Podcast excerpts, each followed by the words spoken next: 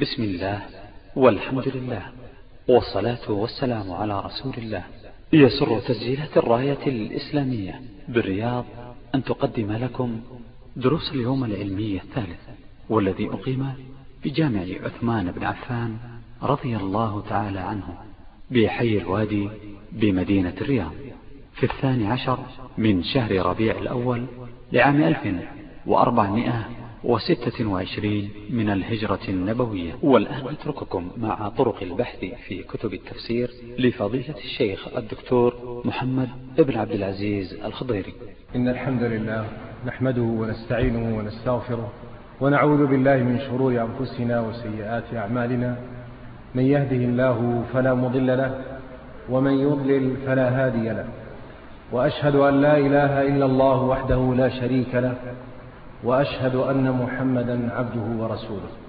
صلى الله عليه وعلى آله وصحبه وسلم تسليما كثيرا. أما بعد فإني أسأل الله سبحانه وتعالى بمنه وكرمه أن يجعل هذا الاجتماع اجتماعا مرحوما وأن يجعل تفرقنا من بعده تفرقا معصوما وأن لا يجعل فينا شقيا ولا محروما.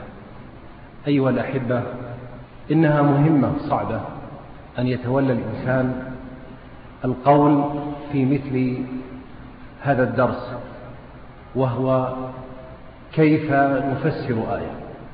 لو عرض علي أن أتحدث عن بحث مسألة حديثية أو فقهية لكان أيسر في نظري لأن علم التفسير من العلوم الواسعة المتشعبة التي قل من يحسنها ويجمع آلاتها.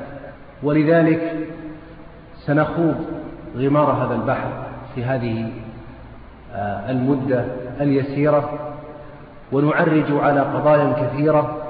نسأل الله سبحانه وتعالى أن يوفقنا فيها للصواب وأن يرزقنا فيها السداد والإخلاص.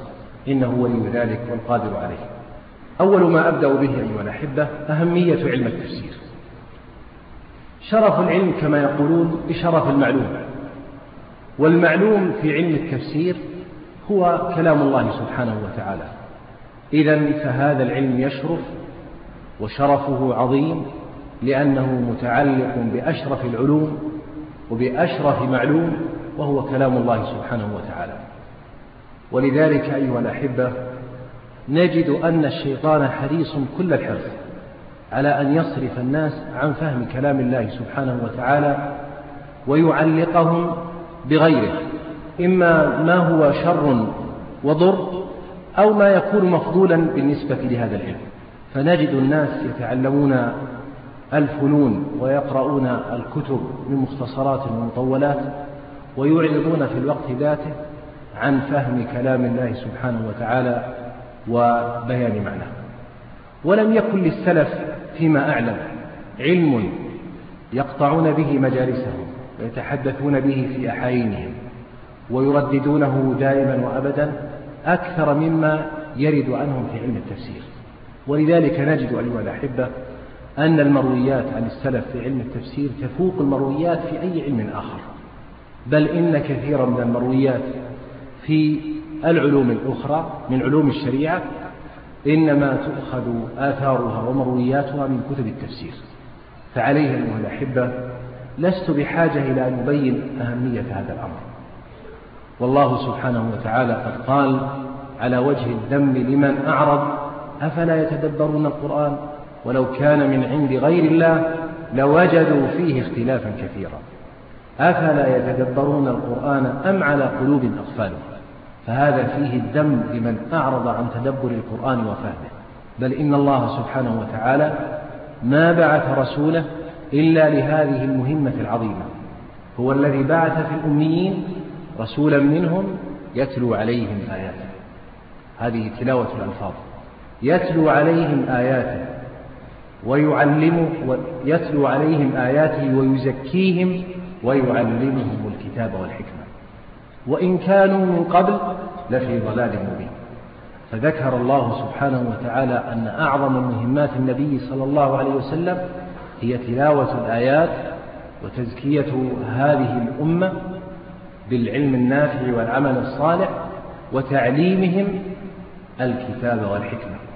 والحكمة إذا جاءت مع الكتاب فالمراد بها عند كثير من المفسرين السنة.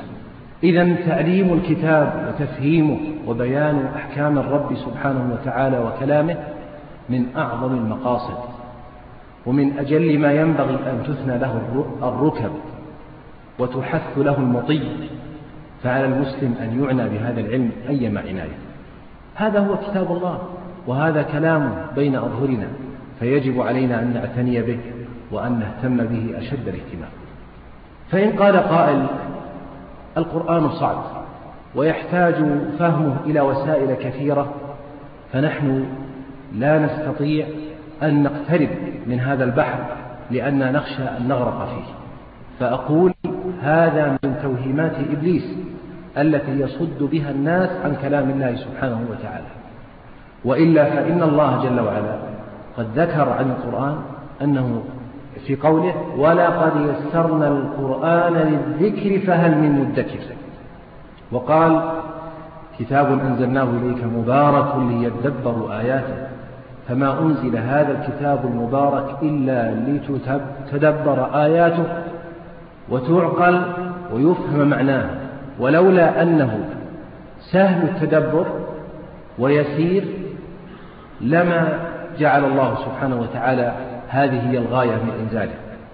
وقال الله سبحانه وتعالى في وصف القرآن هذا بيان للناس وهدى والبيان مأخوذ من الوضوح والسهولة ويسر الفهم فكيف يقال إنه صعب؟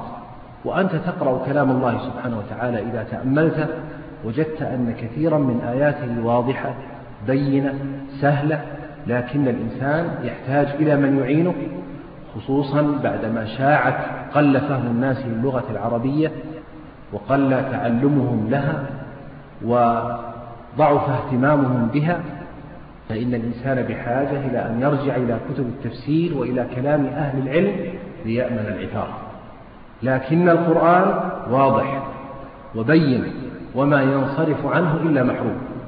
فنسأل الله سبحانه وتعالى ألا يجعلنا من المحرومين الذين صرفوا عن القرآن. ما هي أول خطوة يبدأ بها من أراد أن يفهم القرآن؟ أول خطوة هي التفكر والنظر والاعتبار في آيات القرآن. كل إنسان على حسب قدرته. فإن قال قائل كيف أخوض البحر وليس معي آلات السباحة التي تنجيني؟ من الغرق فيه. فأقول ليس المقصود بهذه الخطوة أن تصل إلى النتيجة النهائية ولكن المقصود بها أولا أن تتدرب على فهم القرآن وتعلم أن فهم معانيه من أيسر الأشياء وثانيا من أجل إذا احتكمت إلى أهل العلم في فهم معاني القرآن فإن وافق فهمك كان ذلك أدعى لثباتك على ذلك الفهم. وإن خالفه عرفت مكمن الخلل في فهمك وصححته. فإذا أردت أن تعود إلى الآية مرة أخرى عرفت أن هناك فهما يسبق إلى ذهنك هو خاطئ وأن هناك فهما صحيحا وتأويلا مستقيما للآية هو الذي يجب أن يعتبر وأن يقال به.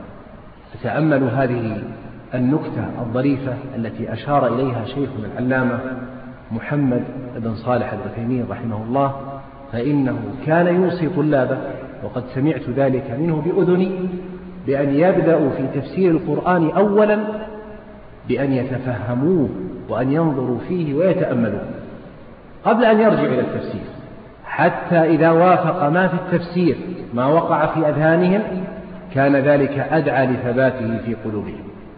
وإن خالف كان ذلك أعرف لهم لمكمن الخلل في فهمهم وأثبت للصواب في أفئدتهم. إذا أول خطوة أن نتفكر في آيات القرآن. أجل الآية في ذهنك ورددها مرة بعد أخرى على عقلك وتأملها وحاول أن تربط هذه الآية بما قبلها وما بعدها وأن تتعرف على موضوع السورة وتربط هذه الآية بموضوع السورة فإن هذا مما يعين على الفهم. ويجعل الإنسان يستنبط المعاني الكثيرة من كلام الله سبحانه وتعالى أكثر مما لو قرأ في التفسير. فإنك إذا قرأت في التفسير أحيانا يبين لك معنى الكلمة في اللغة أو يبين لك المراد من الآية دون ما يستنبط منها وما يؤخذ من فوائد وحكم وأحكام وعبر ودروس وغير ذلك. فتأملوا هذا الأمر فإنه في غاية ما يكون من النفع والفائدة لطالب علم التفسير. والتأمل والتدبر دربة إذا تدرب الإنسان عليها وأكثر منها وردد ذلك على ذهنه ألفينة بعد الأخرى استفاد من ذلك قوة في الفهم. ونضجا في التأمل والإدراك. ثم بعد أن ينتهي من هذه المرحلة يرجع إلى كتب التفسير. فإذا رجع إلى كتب التفسير سيجد أمامه بحرا لا ساحل له من الكتب المختلفة المتنوعة في طرائقها واتجاهات مؤلفيها ومذاهبهم وأساليبهم. وطرق دخولهم إلى المعنى فأيها يختار؟ أقول أول ما تبدأ به أن تختار الأسهل والأقرب الذي أطبق العلماء على العناية به واستشراحه ورد الناس إليه وهو واضح ليس فيه كثير من التطويل وليس فيه آه ذكر للخلافات التي تشوش على القارئ وتصرفه عن المعنى المراد.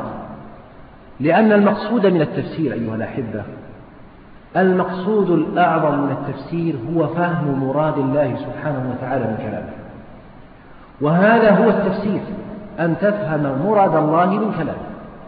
فإذا وصلت إلى هذا الهدف فقد وصلت إلى الغاية العظمى من التفسير. وما زاد على هذه الغاية هي فائدة إن حصلت لك وإلا فلن يضرك ما وراء ذلك.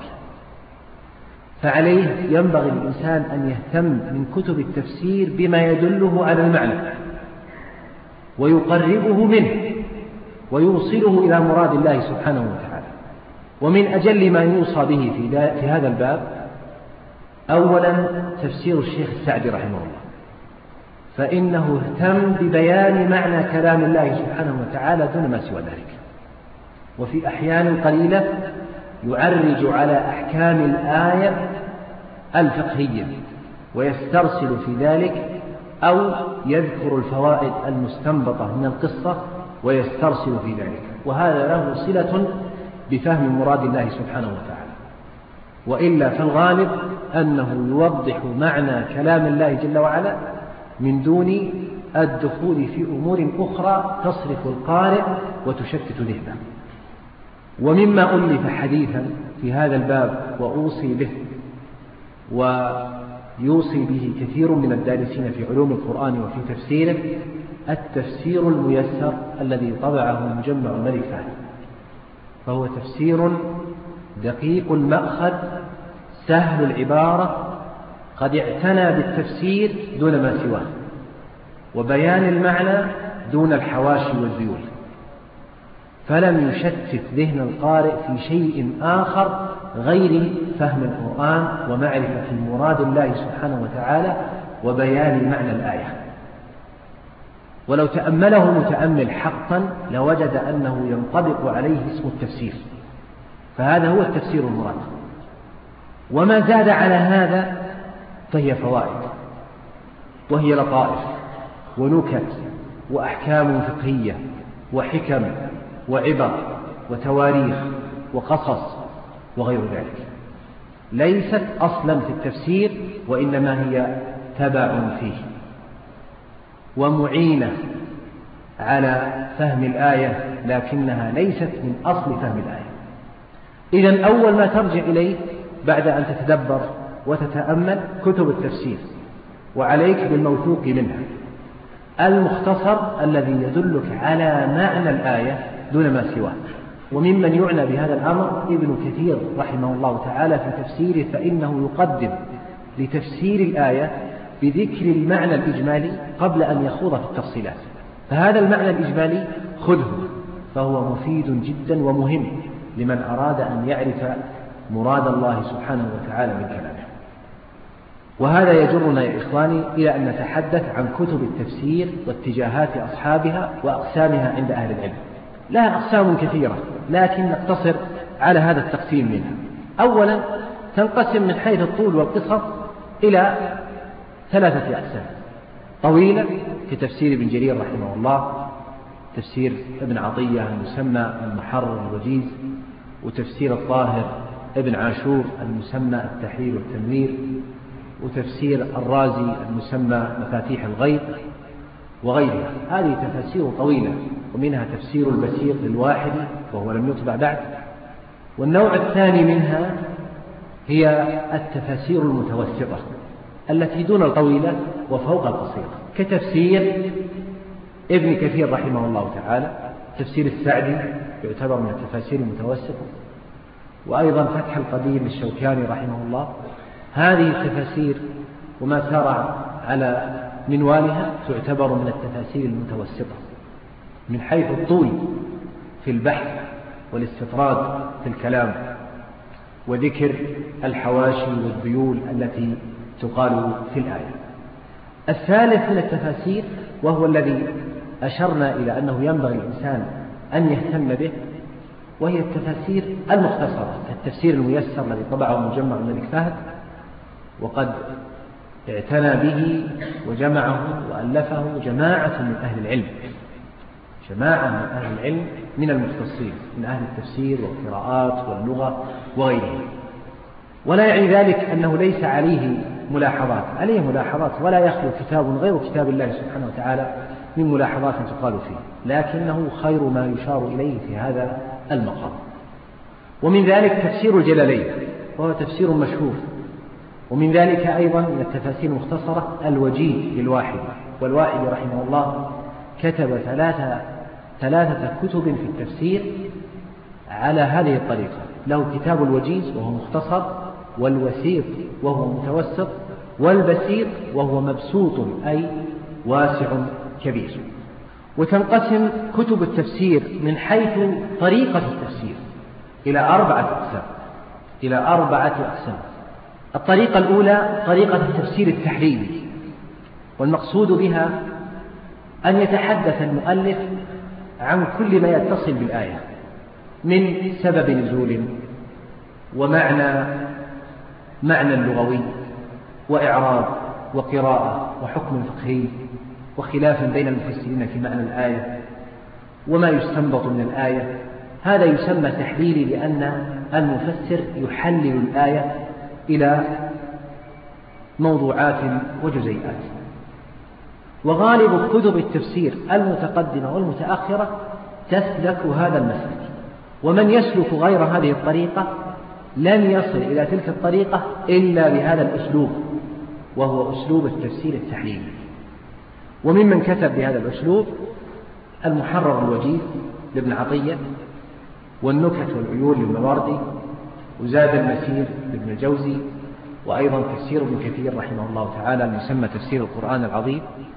النوع الثاني أو الأسلوب الثاني أسلوب التفسير المقارن وهو التفسير الذي يقوم المفسر فيه بذكر أقوال المفسرين والمقارنة بينها وترجيح بعضها على بعض بالأدلة المعروفة والطرائق المعروفة عند أهل العلم في الترجيح.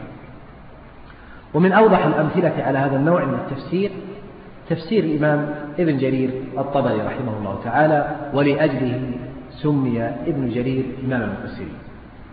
الطريقة الثالثة أو الأسلوب الثالث من أساليب التفسير أسلوب التفسير الموضوعي وهو أن يختار المفسر موضوعا من القرآن الكريم ثم يجمع الآيات حول هذا الموضوع. موضوع الصدقة يجمع الآيات في سورة البقرة وآل عمران والنساء وغيرها ثم يرتبها ترتيبا موضوعيا ويتكلم عليها ويفسرها بما يناسب المقام. أو يكون ذلك من خلال سورة من القرآن الكريم. وهذا النوع من التفسير لم يعرف على أنه أسلوب مستقل إلا في نصف القرن الماضي. ثم أصبح الآن كثيرا متداولا والكتب المؤلفة فيه ورسائل الماجستير والدكتوراه كثيرة جدا فيه. فمثلا تجد الحق في القرآن الكريم الصدقة في القرآن الكريم التوبة في القرآن الكريم الجهاد في القرآن الكريم. وهلم جرا يقوم المؤلف بدراسة هذا الموضوع في كتاب الله سبحانه وتعالى من كل الزوايا ويتعرض لكل القضايا التي تعرض لها القرآن الكريم ويستشهد على ذلك بأدلة من السنة وغيرها لكن لبيان معنى القرآن. ولبيان معاني الآيات التي وردت في هذه القضية أو في هذا الموضوع. الطريقة الرابعة أو الأسلوب الرابع أسلوب التفسير الإجمالي وهي أن يكون مقصود المؤلف أو المفسر ذكر معنى الآية إجمالا دون الخوض في التفصيلات الأخرى من أسباب نزول أو بيان لغة أو إعراب أو قراءة أو ناسخ أو منسوخ أو قصة أو غير ذلك. وممن يشار إليه في هذا المقام الشيخ السعدي رحمه الله أبو بكر الجزائري في تفسيره أيضا التفسير الميسر آه، زبدة التفاسير أو زبدة التفسير وغيرها كتفسير المكي الناصري ونحوه. أيضا تنقسم التفاسير من حيث الشهرة وعدمها إلى ثلاثة أقسام. منها ما هو مشهور قد طبق الآفاق يعرفه القاصي والداني ويعرفه طالب العلم والعالم وكتفسير ابن كثير رحمه الله تفسير ابن جرير فإنهما قد بلغا في الشهرة والصيت آه، مبلغا عظيما. الثاني ما هو مغمور من التفاسير لا يكاد يعرف إلا عند خواص طلاب العلم. كتفسير مثلا مجاهد ابن جبر مع أنه موجود في تفسير الطبري لكن تفسيره مستقلا لا يكاد يعرف. تفسير عبد الرزاق بن همام الصنعاني تفسير السمعاني وغيره من الأئمة الذين لهم تفاسير لكنها مغمورة إما لأن يعني فائدة الناس منها أو استفادتهم منها قليلة أو لأنها لم تحقق ولم تظهر آه، للباحثين إلا في وقت متأخر. ومنها ما هو بين ذلك؟ كغالب كتب التفسير. مثل المحرر الوجيز لابن عطية تفسير القرطبي رحمه الله البحر المحيط لأبي حيان الدر المصون للسمين الحلبي وغيره. فهذه تفاسير ليست مشهورة وليست في الوقت ذاته مغمورة. تنقسم أيضا كتب التفسير من حيث البدعة وعدمها إلى أقسام. فمنها تفاسير سالمة من البدعة جملة. وأقول جملة لأنه لا يكاد يكون أحد أحد سالما من كل بدعة في كل شيء. ولكن يقال سالم من البدع جملة. فهذا مثل تفسير ابن كثير رحمه الله وتفسير ابن جرير الطبري فإنهما على منهج أهل السنة والجماعة. وكذلك تفسير السعدي وتفسير أبي بكر الجزائري وغيرهم ممن كتب في التفسير. والحمد لله في هذه الأزمان ظهرت تفاسير من تفاسير أهل السنة كثيرة وهي سالمة في الجملة من البدع. القسم الثاني قائم على أساس بدعي كتفاسير الرافضة والمعتزلة ونحوها. فهذه قامت على أساس بدعي. كتفسير الطبرسي مثلا من تفاسير الرافضة هذا قام على أساس بدعي. الطبرسي. الطبرسي. الثالث ما لم يقم على أساس بدعي لكنه مشوب ببعض البدع كبدعة التأويل التي عند الأشاعرة كتفسير ابن عطية المحرر الوجيز والقرطبي ومن سار على شاكلة وهم كثير. فعلى طالب العلم أو طالب علم التفسير أن يتبين خصوصا إذا كان مبتدئا في طلب العلم ألا يأخذ من كتب التفسير إلا ما كان سالما من البدعة لئلا يقع في البدعة وهو لا يشعر ولئلا يتابع المؤلف في خطئه البدعي وهو لا يعلم لا يعلم من أين أتي. فعلى طالب علم التفسير أن يسأل أهل العلم وأهل الاختصاص في ذلك حتى يعرف يعرف حتى يعلم المأمون من كتب التفسير من غيره. وهذا مهم أيها الأحبة لكن طالب العلم المتمكن أمره الأمر بالنسبة له أوسع وأيسر. أيضا تنقسم كتب التفسير من حيث العناية بالآثار وعدم ذلك إلى ثلاثة أقسام. منها ما هو أثري خالص يعني يعتمد في جملته على الآثار نقلها وتمحيصها والمقارنة بينها بينها وتصحيحها والقول فيها واستنباط التفسير منها كتفسير ابن جرير الطبري رحمه الله وابن أبي حاتم وتفسير ابن المنذر وعبد بن حميد وهذان التفسيران شبه مفقودين وتفسير سعيد بن منصور وتفسير ابن ماجه وتفسير عبد الرزاق بن همام الصنعاني ومجاهد وغيرهم ممن تفاسيرهم تعتمد على الأثر والرواية والنقل ليس إلا. فهذه تفاسير أثرية وتختلف درجاتها كما بينا من حيث الطول والقصر ومن حيث الدقة وعدمها ومن حيث أيضا سلامة الأسانيد وعدم ذلك. النوع الثاني أثري نظري يعني يأخذ من الأثر بحظ وافر ومن النظر أيضا فهو يأخذ من هذا الجانب ومن هذا. كتفسير ابن كثير رحمه الله تعالى وكفتح القدير فإنه قد جمع بين الرواية والدراية واسمه كذلك فتح القدير الجامع بين فني الرواية والدراية في التفسير. والنوع الثالث نظري خالص بمعنى أنه يعتمد على النظر ولا يعتمد على الأثر وتجد الآثار فيه قليلة كتفسير الرازي والزمخشري والطاهر بن عاشور ونحوه. وتنقسم أيضا من حيث الموضوع إلى أقسام كثيرة جدا منها ما يهتم بالتفسير وحده كالسعدي رحمه الله. فقد يهتم بالتفسير وحده. ومنها ما يهتم باللغة كالبحر المحيط لأبي حيان. ومنها ما يهتم بالأحكام ككتب أحكام القرآن للكيا الهراسي وللجصاص ولابن العربي والجامع لأحكام القرآن للقرطبي وهو أهمها وأفضل ما ينبغي للإنسان يعني اقتناؤه والعناية به في أحكام القرآن تفسير القرطبي رحمه الله.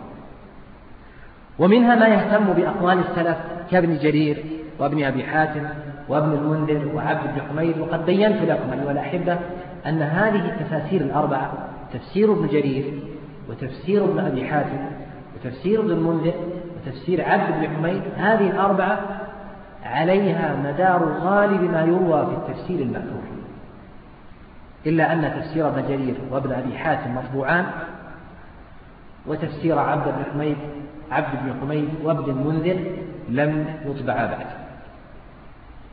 مع أني أنبه لأن تفسير ابن أبي حاتم منه جزء مفقود من المطبوع منه الآن. فليتنبه لذلك القارئ. أيضا تنقسم هذه الكتب كتب التفسير من حيث التاريخ إلى ثلاث أقسام. منها ما تعتبر تفاسير متقدمة كتفسير ابن جرير وابن المنذر وابن أبي حاتم وعبد بن حميد وعبد الرزاق وابن ماجه والنسائي وغيرهم. هذه التفاسير المتقدمة التي تعتمد على الأثر وتعتني به وتأتي بالإسناد كاملا ومنها تفاسير متأخرة وهي في من جاء بعد هؤلاء. فتفسير القرطبي وابن عطية المحرر الوجيز والنكت والعيون وزاد المسيل لابن الجوزي والبحر المحيط والدر المصون وغيرهم تعتبر هذه تفاسير متأخرة. والنوع الثالث تفاسير معاصرة وإنما أفضل التفاسير المعاصرة لأن التفاسير المعاصرة كثيرة جدا ومختلفة الاتجاهات ودخل فيها اتجاهات غريبة لم تكن موجودة في من سلف وإن كان لها أصل وأساس فيه. قبل أن تبدأ في القراءة في واحد من هذه الكتب. قبل أن تبدأ في القراءة في واحد من هذه الكتب حسب ما تختار وما تريد وما يحقق غرضك. لأن كثيرين من الطلبة يسألون ماذا أقرأ من كتب التفسير؟ فنقول له قبل أن أن نجيبه ماذا تريد من التفسير؟ إن قال أريد بيان معنى كلام الله سبحانه وتعالى قلنا عليك بالتفسير المختصر الفلاني. ولا تذهب إلى غيره. وإن قال لا أنا أريد أيضا الاهتمام والعناية بالفقه والأحكام المستنبطة من الآية. قلنا عليك بكتب أحكام القرآن أو يغني عن ذلك تفسير القرطبي رحمه الله تعالى. وإن قال أنا أريد العناية بتخريج القراءات وبيان المعاني اللغوية والإعراب ونحوه. قلنا عليك بالبحر المحيط. وإن قال أنا لعناية بالسنة وبيان الصحيح من الضعيف فيها. ولي أيضا آه، اهتمام بمعرفة الأحاديث الواردة في كل موضوع من موضوعات القرآن. قلنا عليك بتفسير ابن كثير رحمه الله فإنه قد أوفى على الغاية في هذا الباب. وإن قلت أريد تفسير القرآن بالقرآن قلنا عليك بأضواء البيان فإنه قد حاول أن يستوعب تفسير القرآن بالقرآن. وإن كان كانت محاولة الشيخ رائدة في بابها إلا أن هذه المحاولة تحتاج إلى من يكملها ويزيد عليها. قبل أن تقرأ في هذه التفاسير عليك أن تعرف الطريقة الصحيحة للتفسير لتفسير القرآن الكريم. ذكر شيخ الإسلام في مقدمته العظيمة مقدمة أصول التفسير وهي موجودة في مجموع الفتاوى ومفردة بالتصنيف وقد كثر شارحوها.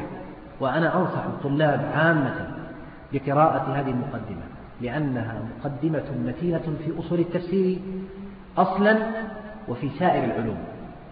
وقد كتبها رحمه الله ووضع فيها قواعد مهمة لا يستغني عنها طالب العلم.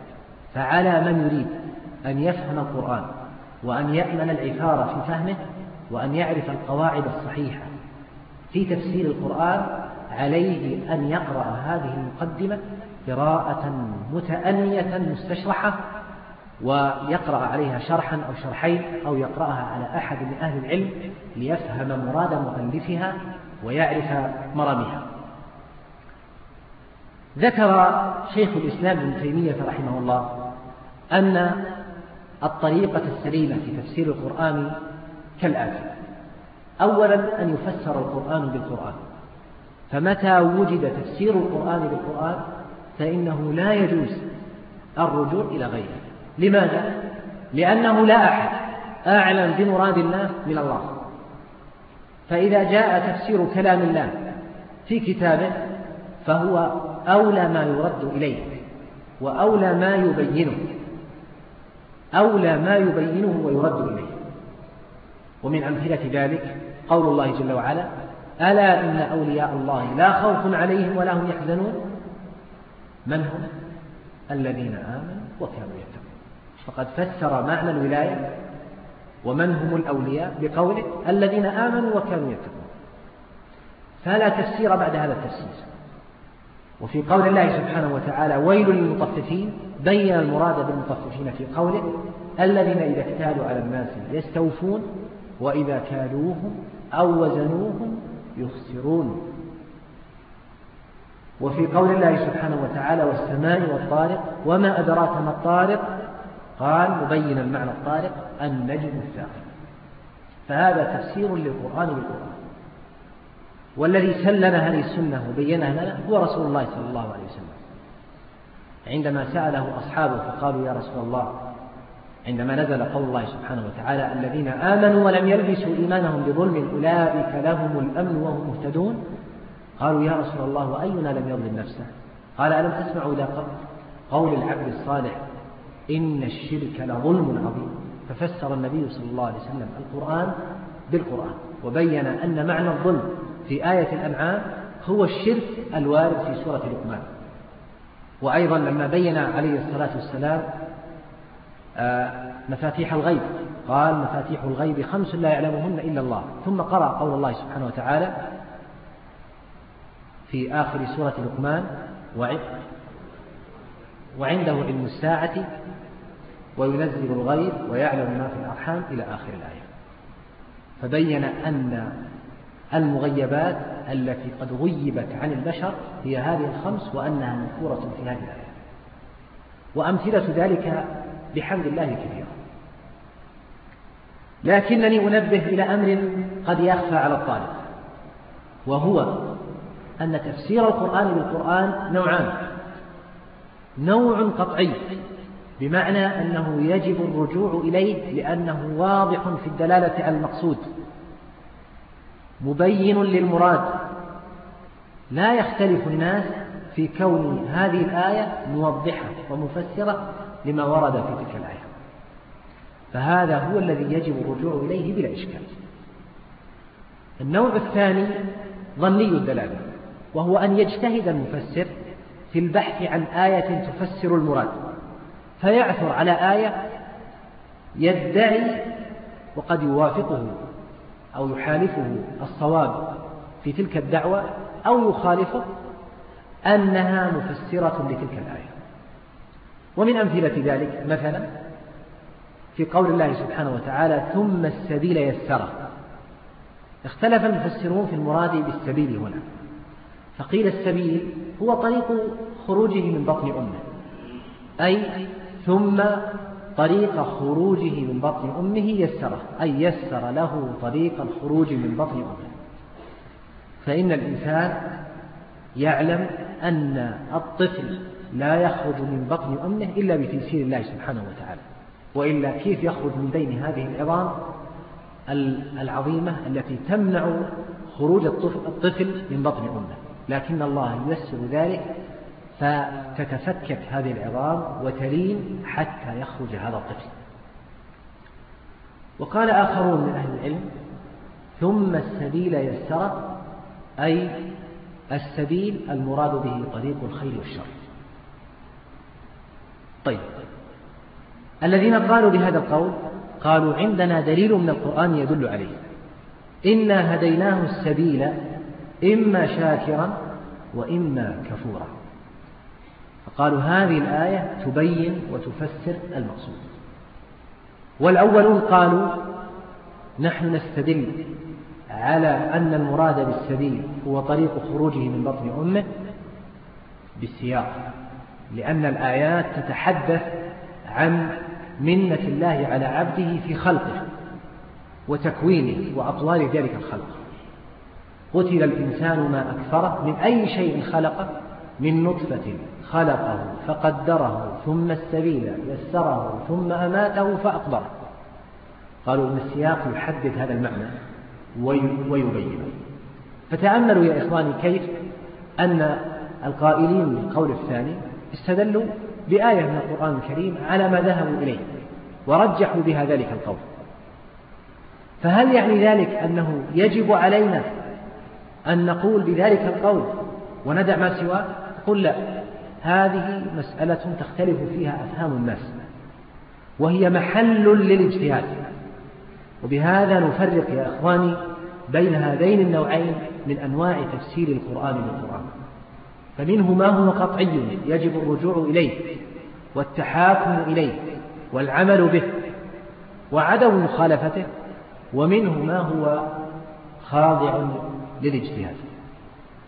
وقد يقال به وقد لا يقال به بحسب المرجحات. النوع الطريق الثاني من طرق التفسير تفسير القرآن بالسنة. إذا لم نجد تفسير القرآن بالقرآن فإننا نرجع إلى ذلك في السنة. والسنة قد بينت القرآن. إما صراحة وإما إشارة. إما قولا وإما عملا. صراحة كأن يفسر النبي صلى الله عليه وسلم الآية صراحة. مثل ما ذكرنا في قول قول النبي صلى الله عليه وسلم عندما فسر الظلم بقوله ألم تسمعوا إلى قول العبد الصالح إن الشرك لظلم عظيم. فهذا تفسير صريح من النبي صلى الله عليه وسلم لمعنى الظلم. وإما أن يكون إشارة. التفسير بالإشارة بمعنى أن تفهم المعنى من الآية فهما. تفهم أنه تفسير للآية من الحديث فهما. قال النبي صلى الله عليه وسلم أقرب ما يكون العبد من ربه وهو ساجد. هذه تفسير لقول الله سبحانه وتعالى كلا لا تطعه واسجد واقترب. وقال الله جل وعلا وجاء ربك والملك صفا صفا. وجيء يومئذ بجهنم. قال النبي صلى الله عليه وسلم يجاء يوم القيامة بجهنم لها سبعون ألف زمام مع كل زمام سبعون ألف ملك يجرونه فهذا الحديث لم يذكر النبي صلى الله عليه وسلم فيه الآية لكننا نفهم منه أنه تفسير للآية. ونعلم أن المراد به إيضاح معنى هذه الآية. وقد يكون بالقول كما أسلفنا وقد يكون بالعمل. عندما حج النبي صلى الله عليه وسلم قال خذوا عني مناسككم فبين معاني الحج وطريقته. وعندما صلى عليه الصلاة والسلام بين معنى قوله وأقيموا الصلاة وأقاموا الصلاة والمقيم الصلاة. وكذلك عندما أدى الزكاة عليه الصلاة والسلام وبين كيف تؤدى بين معنى قوله وآتوا الزكاة. فهذا تفسير عملي لآيات القرآن الكريم. الطريق الثالثة تفسير القرآن بأقوال الصحابة. قد رجع أهل العلم عامة إلى أقوال الصحابة في تفسير القرآن واعتبروها حجة في ذلك. لماذا؟ لأن الصحابة رضوان الله تعالى عليهم هم الذين نزل فيهم القرآن. وبلغتهم أيضا نزل القرآن فهم أدرى الناس بهذه اللغة التي نزل بها القرآن. ولأنهم أعرف الناس بالأحوال التي نزل فيها القرآن أحوال العرب وعاداتهم وطرائقهم وأسباب النزول التي نزل عليها القرآن. ولأن البدعة فيهم منتفية. ما في الصحابة مبتدع واحد. ولذلك جعل العلماء رحمهم الله أقوال الصحابة حجة في التفسير. لكن شريطة ألا تكون مخالفة لآية أو مخالفة لحديث. فإن كان الصحابة قد اتفقوا على التفسير وجب الرجوع إلى إجماعهم قولا واحدا. وجب الرجوع إلى إجماعهم. وإن اختلفوا لم يكن قول بعضهم حجة على بعض. كيف ذلك؟ يعني لم يكن قول ابن عباس حجة على ابن مسعود. فليس من حق ابن عباس أن يقول لابن مسعود يا ابن مسعود عليك أن تتبع قولي لأني صحابي. لأن من حق ابن مسعود أن يقول له مثل ذلك. إذا ليس قول بعضهم حجة على بعض. ولنا نحن الذين جئنا من بعدهم أن نتخير في أقوالهم ونرجح بأنواع المرجحات وقواعد الترجيح المعروفة عند أهل العلم. لكن لا يجوز لنا الخروج على أقوالهم. وهذه قضية مهمة جدا. يغفل عنها كثير من المتعالمين الذين يحاولون أن يركبوا التفسير ويتكلموا في كلام الله سبحانه وتعالى بغير علم. فهم يقولون اختلف المفسرون الأوائل ولنا قول آخر. لم يقل به من قال لم يقل به السابقون. فنقول السلف خصوصا الصحابة وإن اختلفوا وتعددت أقوالهم فإنه لا يجوز لنا الخروج عن هذه الأقوال. لماذا يا إخوان لأن الخروج عن هذه الأقوال فيه محظور عظيم وهي أن يكون الزمان قد خلا من قائم لله بالحجة. كيف هذا؟ هذا معنى مهم. كيف هذا يا إخواني؟ أن يكون الزمان قد خلا من قائم الله بالحجة. يعني كأنك تقول عندما تحدث قولا لم يكن في السابقين كأنك تقول الآن بان الحق والناس قبلي لم يكونوا على هدى. فأصحاب رسول الله لم يعرفوا مراد الله كلهم. والتابعون من بعدهم ومن جاء بعده من الأئمة والعلماء وسلف هذه الأمة الصالح والقرون المفضلة لم يعرف المعنى الصحيح لهذه الآية. كلهم ضلوا عن المعنى الصحيح وأنا في القرن الخامس عشر اهتديت إليه. فهذا القول أو هذه الدعوة تفضي إلى هذا المحظور العظيم وهو أن يخلو الزمان من قائم لله بالحجة. ولا يمكن أن تجتمع هذه الأمة على ضلالة. أو أن يخلو الزمان من قائم لله بالحجة دال الناس على الحق مبين لهم إياه إذا لا يجوز لنا الخروج عن أقوالهم. إذا اختلفوا على ثلاث أقوال نقول الحق في واحد من هذه الثلاثة فأنت قد تقول هذا والثاني يقول لا الثاني والثالث يقول لا. ذلك القول الثالث. لكن لو جاء إنسان بقول رابع ليس من, من هذه الأقوال ولا يتصل بها قلنا له هذا خروج عن إجماع الصحابة لأن الصحابة قد أجمعوا على عدم القول برابع فكأن خلافهم إجماع على عدم الزيادة عن هذه الأقوال. وهذا ملحظ مهم ينبغي لنا أن نعتني به ونعرفه ونرد به على كثير من هؤلاء المتعالمين الذين يكتبون في الصحف ويكتبون في المجلات ويخرجون الكتب ولهم أشرطة حتى أيضا مرئية ومسموعة وفي بعض القنوات يتكلمون فيها في تفسير القرآن الكريم بغير ما قال أصحاب رسول الله صلى الله عليه وسلم.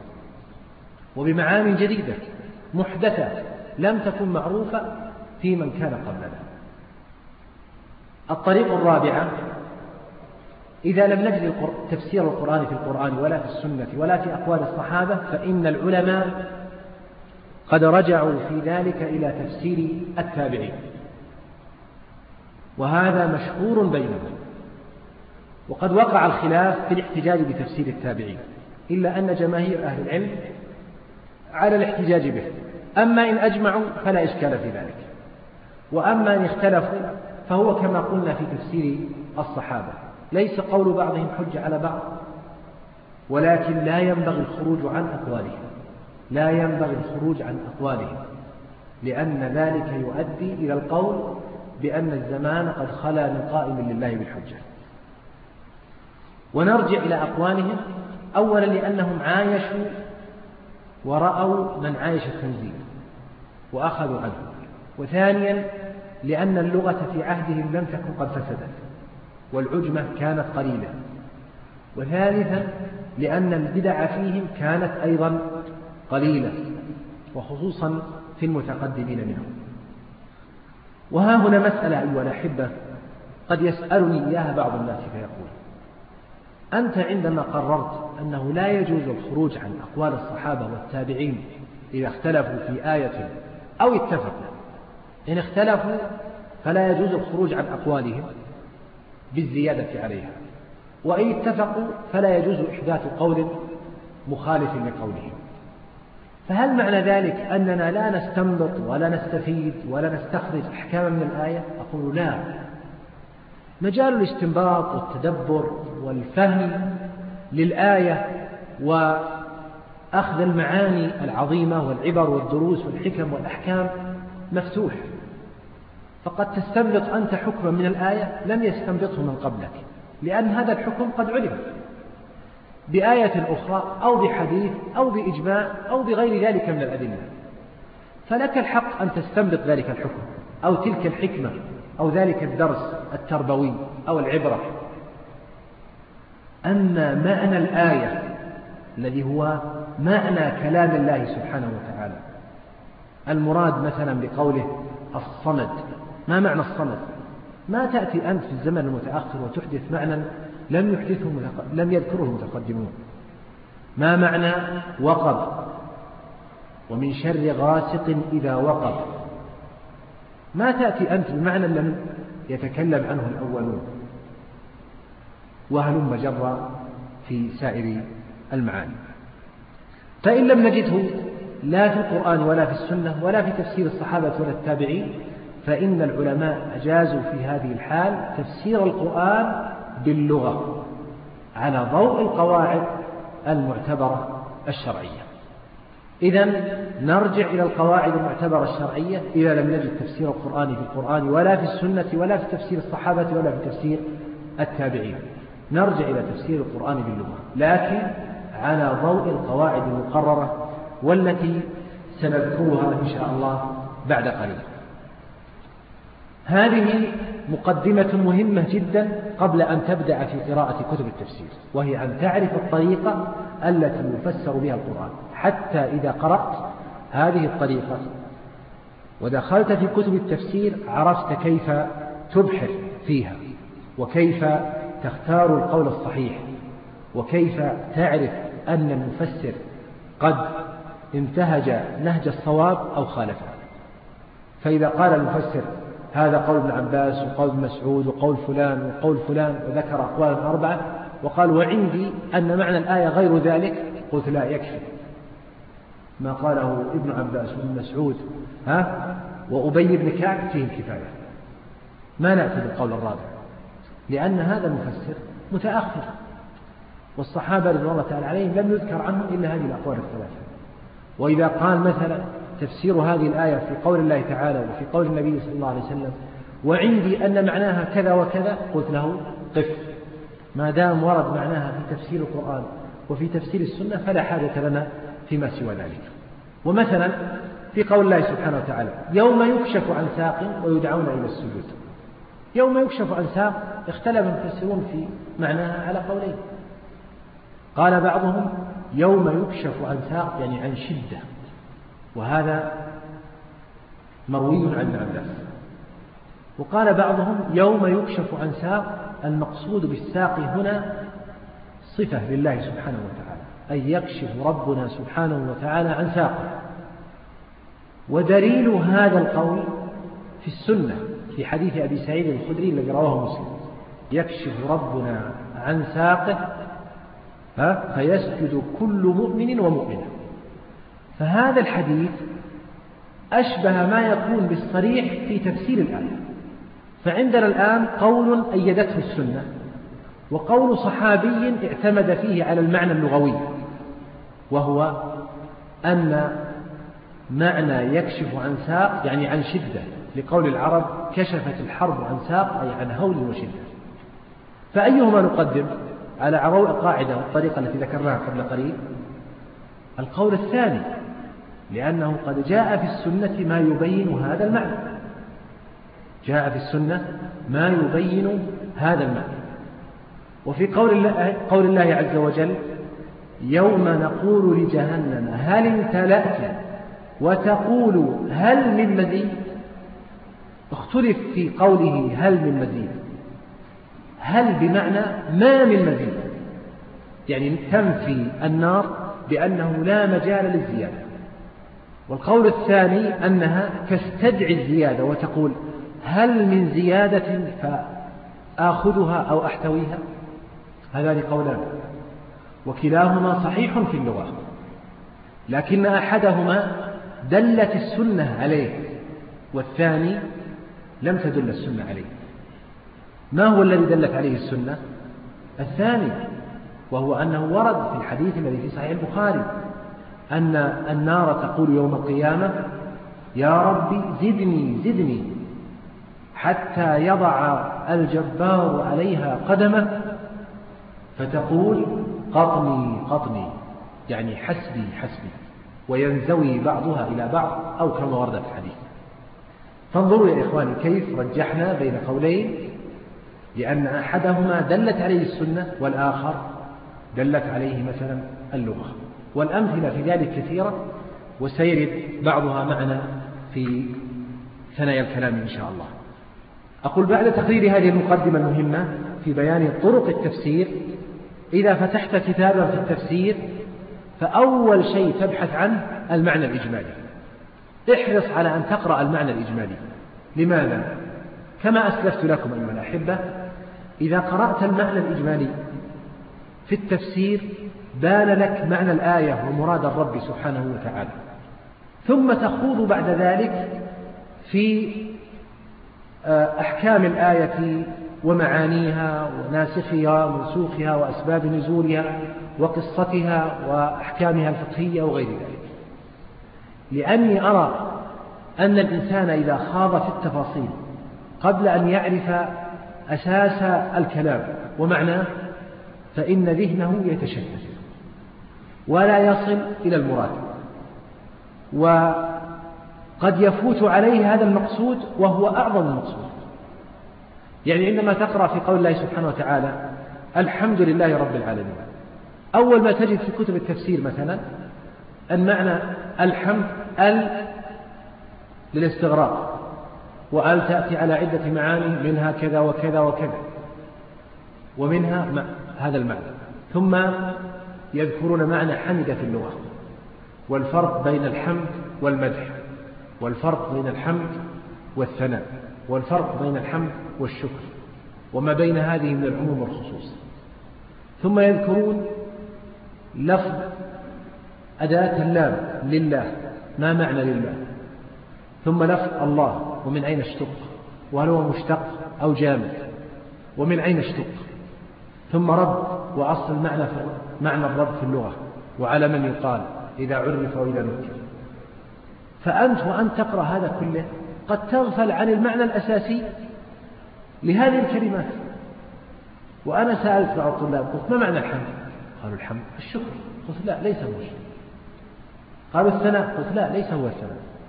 قالوا إذا ما نعرفه قلت لأنكم انشغلتم بغيره فأنتم لم تعرفوا الحمد كما ذكر ابن القيم رحمه الله هو ذكر المحمود بصفات الكمال على وجه المحبة والتعظيم.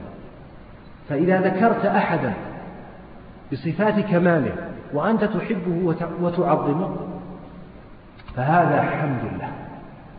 ولذلك كأنك تقول الحمد لله أي صفات الكمال ثابتة لله وأنا أحب الله وأعظمه. لأجل هذا يا إخواني إذا قال الإنسان الحمد كأنما ذكر الرب سبحانه وتعالى بكل صفات كمال كأنه قال أنت الله الرحمن الرحيم الملك القدوس السلام المؤمن المهيمن العزيز الجبار المتكبر إلى آخره. ولذلك قال النبي صلى الله عليه وسلم والحمد لله إيش؟ تملأ الميزان. لماذا تملأ الميزان؟ لأن الإنسان إذا ذكر هذه الكلمة فكأنه ذكر أسماء الله الحسنى كلها. تأمل. هل كنت ستفطن لهذا لو كنت تقرأ المعنى أولا؟ قال بعضهم الثناء. قلنا ليس هو الثناء. الثناء معنى زائد على الحمد بدليل قول النبي صلى الله عليه وسلم في الحديث الذي يرويه عن ربه قسمت الصلاة بيني وبين عبدي نصفين ولعبدي ما سأل فإذا قال العبد الحمد لله رب العالمين. قال الله حمدني عبدي. وإذا قال الرحمن الرحيم قال الله أثنى علي عبدي. إذا جعل الثناء شيئا آخر غير الحمد. فما هو الثناء؟ الثناء هو تكرار المحامد. إذا كررت المحامد وثنيت سمي ثناء ولذلك جاءت في قوله الرحمن. الرحيم ولم تذكر في قوله الحمد لله رب العالمين. فتنبه لهذا. إذا يا إخواني أول ما نبحث عنه عندما نقرأ في كتب التفسير المعنى الإجمالي وقد بينت لكم الكتب التي تهتم بالمعنى الإجمالي وحتى من الكتب المطولة كتفسير ابن جرير الطبري رحمه الله فإنه أول ما يبدأ في تأويل آية من كلام الله جل وعلا أن يذكر معناها الإجمالي ثم يذكر بعد ذلك خلاف المفسرين ثم يرجح بعد ذلك القول ثم يرجح بعد ذلك القول فيما بينهم. ثانيا سيرد عليك أو سيمر بك أسباب النزول. ولن نتحدث هنا عن أسباب النزول وكيفياته وألفاظه وكيفية الترجيح بينه. فإن هذا حديث مستقل له مجاله لكني أشير إلى المهم فيه وهو أولا أن أسباب النزول مهمة لفهم مراد الله سبحانه وتعالى. بل أحيانا لا يفهم المراد إلا بمعرفة سبب النزول. ونذكر لهذا قصة واحدة وهي قصة عروة ابن الزبير عندما سأل أم المؤمنين عائشة رضي الله تعالى عنها عن قول الله سبحانه وتعالى إن الصفا والمروة من شعائر الله. فمن حج البيت أو اعتمر فلا جناح عليه أن يطوف بهما. فكأنه استنكر أن الطواف بين الصفا أو السعي بين الصفا والمروة واجب في الحج. ومع ذلك يقول في الآية فلا جناح عليه أن يطوف بهما. يعني فكأن الآية تفهم أن السعي بين الصفا والمروة سنة أو مباح لا جناح يعني لا حرج عليه إذا طاف بينهم فكيف يوجب السعي على من حج أو اعتمر؟ والله يقول فلا جناح عليه أن يطوف بهما. فماذا قالت له عائشة؟ قالت بئس ما قلت يا ابن, يا ابن أخي. ثم ذكرت له سبب نزول الآية.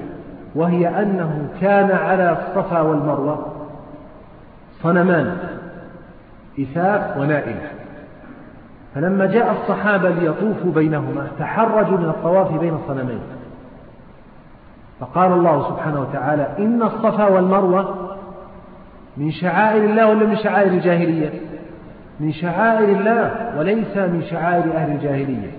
وإن كان أهل الجاهلية قد اعتدوا عليهما بوضع صنمين على هذين الجبلين. قال من شعائر الله فالطواف بينهما من شعائر الله.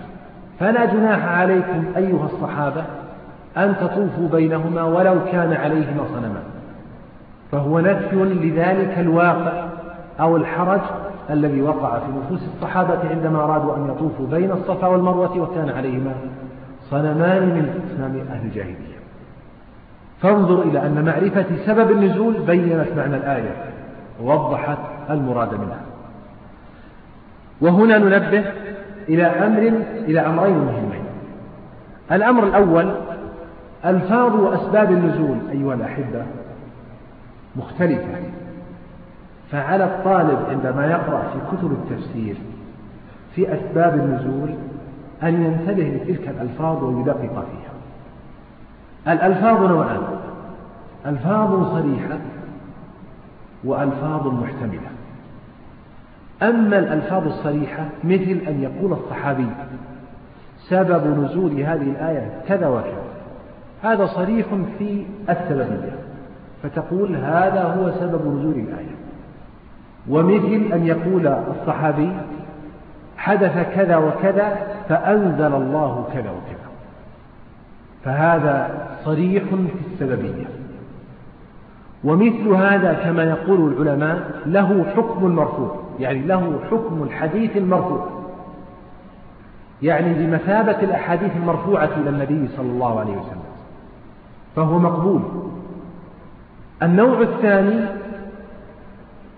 ألفاظ محتملة وهذه كثيرة في أسباب النزول يحملها كثير من المبتدئين. على أنها أسباب النزول وهي ليست صريحة فيه. فقد تكون سببا لنزول الآية وقد تكون تفسيرا لها. مثل قولهم نزلت هذه الآية في كذا وكذا. فقوله نزلت هذه الآية في كذا وكذا يحتمل أن تكون نزلت الآية وسبب نزولها هو كذا وكذا ويحتمل أن يكون مراد الصحابي نزلت هذه الآية في كذا يعني أن من معناها كذا. فإياك أن تفهم أنه من أسباب النزول. فعليه إذا كان الحال كذلك لا يكون لها حكم مرفوع. لا يكون لها حكم مرفوع. بل تكون قولا للصحابي وتكون دون النوع الأول.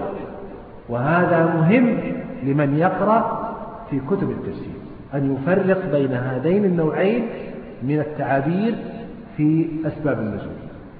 سبب نزول الآية أو حدث كذا فأنزل الله كذا هذا صريح في السببية قوله نزلت هذه الآية في كذا هذا غير صريح في السببية بل يحتمل أن يكون سببا لنزول الآية ويحتمل أن لا يكون كذلك. مثل قول ابن عمر في قول الله جل وعلا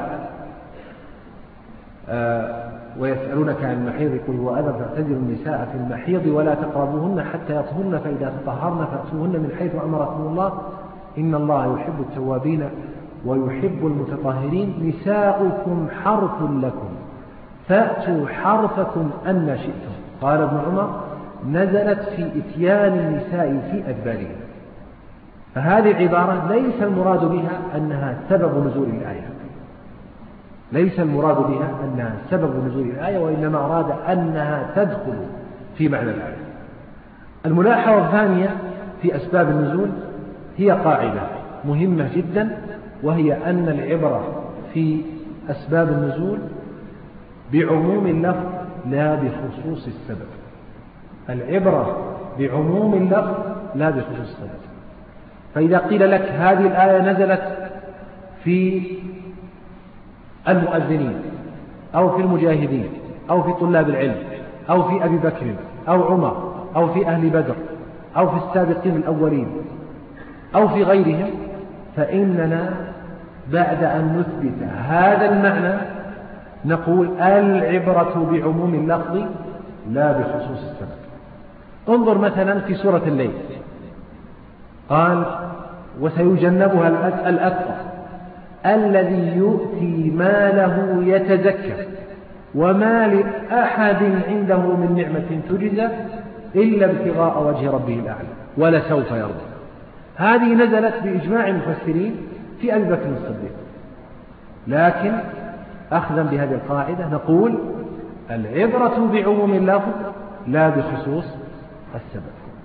فكل من اتصف بهذه الصفات كان أتقى وغيرها مما جاء بعدها في الآيات فإنه يستحق هذا الوعد الكريم من الرب العظيم. ولا سوف يرضى فالعبرة بعموم اللفظ لا بخصوص السبب. آه، خولة بنت ثعلبة عندما ظاهر منها زوجها وجاءت تشتكي إلى النبي صلى الله عليه وسلم أمر زوجها أوس بن الصامت عندما ظاهر منها. الآيات نزلت في خصوصها لكن العبرة بعموم ألفاظ الآية لا بخصوصها ولذلك نقول هي عامة فيها وفي من كان على مثل حالها. إذا أولا ننظر إلى المعنى الإجمالي ثانيا ننظر في أسباب النزول ثالثا نأتي إلى البحر الأعظم وهو اختلاف المفسرين. المفسرون يختلفون ولكني أبشركم أن خلافهم أقل من خلاف غيرهم تقولون كيف ذلك؟ وكتب التفسير طافحة بالخلاف. فأقول نعم هي طافحة بالخلاف لكنه من النوع الذي يسمى اختلاف التنوع والذي يمكن اجتماع الأقوال فيه وحمل الآية على كل ما قيل فيها. وقليل في التفسير اختلاف التضاد بخلاف اختلاف العلماء في الأحكام فإن أكثر اختلافهم في الأحكام من باب اختلاف التضاد أما في التفسير فأكثر خلافهم من باب اختلاف التنوع. ولذلك الموفق من أهل العلم ومن طلابه الذي إذا قرأ اختلاف المفسرين اختلاف المفسرين أخذ ينظر بين هذه الأقوال. هل هي متضادة؟ وهل هي مختلفة في الحقيقة؟ أو ليست كذلك؟ ثم وجد أنها ليست مختلفة في الحقيقة. بل يمكن اجتماع هذه الأقوال ويمكن حمل الآية على كل ما ورد فيها. مثال ذلك. وإن كنا سنستعجل. إذا الشمس كورت ما معنى كورت؟ قيل لفت كما تلف العمامة. وقيل أظلمت. وقيل ألقيت في النار. هذه ثلاثة أقوال. والصحيح أن الشمس يحصل لها هذا كله. فهي تلف فتنطفئ وتنكدر فهي تنطفئ ويذهب ضوءها ثم تلقى في النار لدلالة الحديث الصحيح على ذلك. الشمس والقمر ثوران مكوران في النار يلقيهما الله سبحانه وتعالى تبكيتا لمن كانوا يعبدونهما من دونه. وإذا النجوم انكدرت أيضا اختلف فيها على قولين. انكدرت قيل ألقيت وتساقطت. وقيل انكدرت انطفأت. وهي إذا تساقطت انطفأت. قال الله سبحانه وتعالى إذا السماء انفطرت وإذا الكواكب انتثرت وهذا تفسير القرآن بالقرآن. فالكواكب تنتثر لكن يلزم من امتثالها أن يذهب ضوءها. فتأمل تجد قولين يظهر منهما أول الأمر أنهما متباينان ومختلفان لكن عند التأمل تجد أنهما يجتمعان. وهذا يجرنا إلى أن نذكر لكم أنواع الاختلاف في التفسير. الاختلاف في التفسير على ثلاثة أنواع. النوع الأول خلاف غير معتبر. غير معتبر ولا معتد به. وهو الذي يخرج عن القواعد الشرعية وعن المعاني المعتبرة في اللغة وفي الشرع. وهذا النوع لا يجوز ذكره في الخلاف. ولا متابعة قائله. مثل من قال في قول الله سبحانه وتعالى واعبد ربك حتى يأتيك اليقين. قال اليقين ما هو؟ اليقين درجة من بلغها سقطت عنه التكاليف. هذا قول ساقط خارج عن الشريعة القائل به يخشى عليه أن يكون زنديقا. بل هي زندقة لأن القائل به يسقط التكاليف عن المكلفين والله لم يسقطها عن أحد حتى عن المرسلين فهذه الأقوال لا يعتد بها. ومثل قوله وإن الله لمع المحسنين. قال لمع المحسنين يعني لمعهم جعل لهم لمعانا. فصرف هذه الكلمة حتى عن معناها اللغوي. فنقول هذا معنى مردول مردود. لا يجوز الاعتداد به. ولا الشغب بمخالفته بمعنى أن يقول في خلاف في الآية نقول ما في خلاف. وهذا قول غير معتبر لأن الشاذ لا يعتد به ولا يعتبر ولا يخرق به الإجماع. إذا قلنا إن العلماء قد أجمعوا على معنى هذه الآية فلا يقول قائل قد وجدت قولا قد خرق هذا الإجماع. نقول هذا ليس بقول لأنه قد خرج عن مقتضى الشرع واللغة. ولا قائل به من أهل العلم المعروفين. هذا النوع الأول. النوع الثاني اختلاف التنوع. وهو الكثير في, تفسير في التفسير. وقليل في الأحكام. أما كونه كثيرا في التفسير فكما بينا قبل قليل. وهو على أنواع. ذكرها شيخ الإسلام ابن تيمية في مقدمة كتابه في التفسير. مقدمة أصول التفسير الذي أشرنا إليه آنفا. النوع الأول أن يعبر كل واحد من المفسرين عن المراد بعبارة تختلف عن عبارة صاحبه. تدل على معنى في المسمى غير المعنى الآخر مع اتحاد المسمى. هذا المعنى فيه لبس. لكن يوضحه المثال. في قول الله سبحانه وتعالى اهدنا الصراط المستقيم. اختلف المفسرون ما هو الصراط المستقيم؟ فقيل الصراط المستقيم الإسلام. وقيل القرآن. وقيل السنة. وقيل غير ذلك. أنت إذا نظرت إلى كل قول من هذه الأقوال وجدت أنه يختلف عن صاحبه في معناه. الإسلام يختلف عن القرآن والقرآن يختلف عن السنة. كل واحد منها له معنى مختلف عن صاحبه. لكن كلها تجتمع في شيء واحد وهي هذا الدين. فالذي قال الإسلام لا يمكن أن ينكر القرآن والذي قال القرآن لا يمكن أن ينكر الإسلام والذي قال السنة لا يمكن أن ينكر القرآن وهكذا. إذا أن يعبر كل واحد منهم عن المعنى بعبارة تختلف عن عبارة صاحبه. تدل على معنى في المسمى. فمعاني هذه العبارات مختلف لكنها تلتقي في ذات واحدة. مثل ما إذا قلت في شخص إنه طويل وإنه بديل وإنه أسفر اللون وإنه ذكي. فهذه أوصاف مختلفة لكنها متفقة بأنها مجتمعة في شخص واحد. ومثل ذلك أسماء الله. فإنها أسماء متعددة لكل اسم منها معنى مختلف لكنها تلتقي في أنها تدل على على ذات واحدة وهي ذات الله سبحانه وتعالى.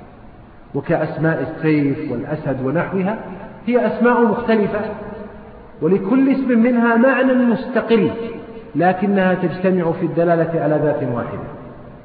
ومن هذا اختلاف المفسرين رحمهم الله فغالبه من هذا النوع.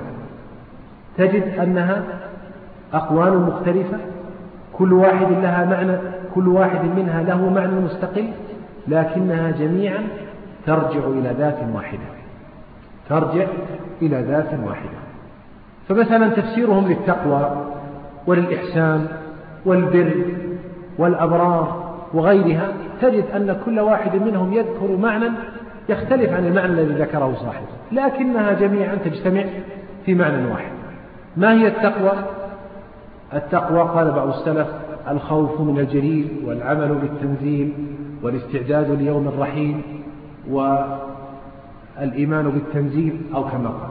الثاني يقول التقوى خل الذنوب صغيرها وكبيرها ذاك التقى واصنع كماش فوق أرض الشوك يحذر ما يرى لا تحقرن صغيرة إن الجبال ملحة والثالث يقول أن تجعل بينك وبين عذاب الله وقاية بفعل الأوامر واجتناب النواهي فهذه كلمات مختلفات المعاني ها؟ لكنها كلها تلتقي على مسمى واحد وذات واحدة النوع الثاني من اختلاف التنوع أن يذكر كل واحد من المفسرين من الاسم العام بعض أنواعه على سبيل المثال وهذا كثير في تفسير السلف رحمهم الله وهو أنهم يذكرون من الاسم العام بعض أفراده.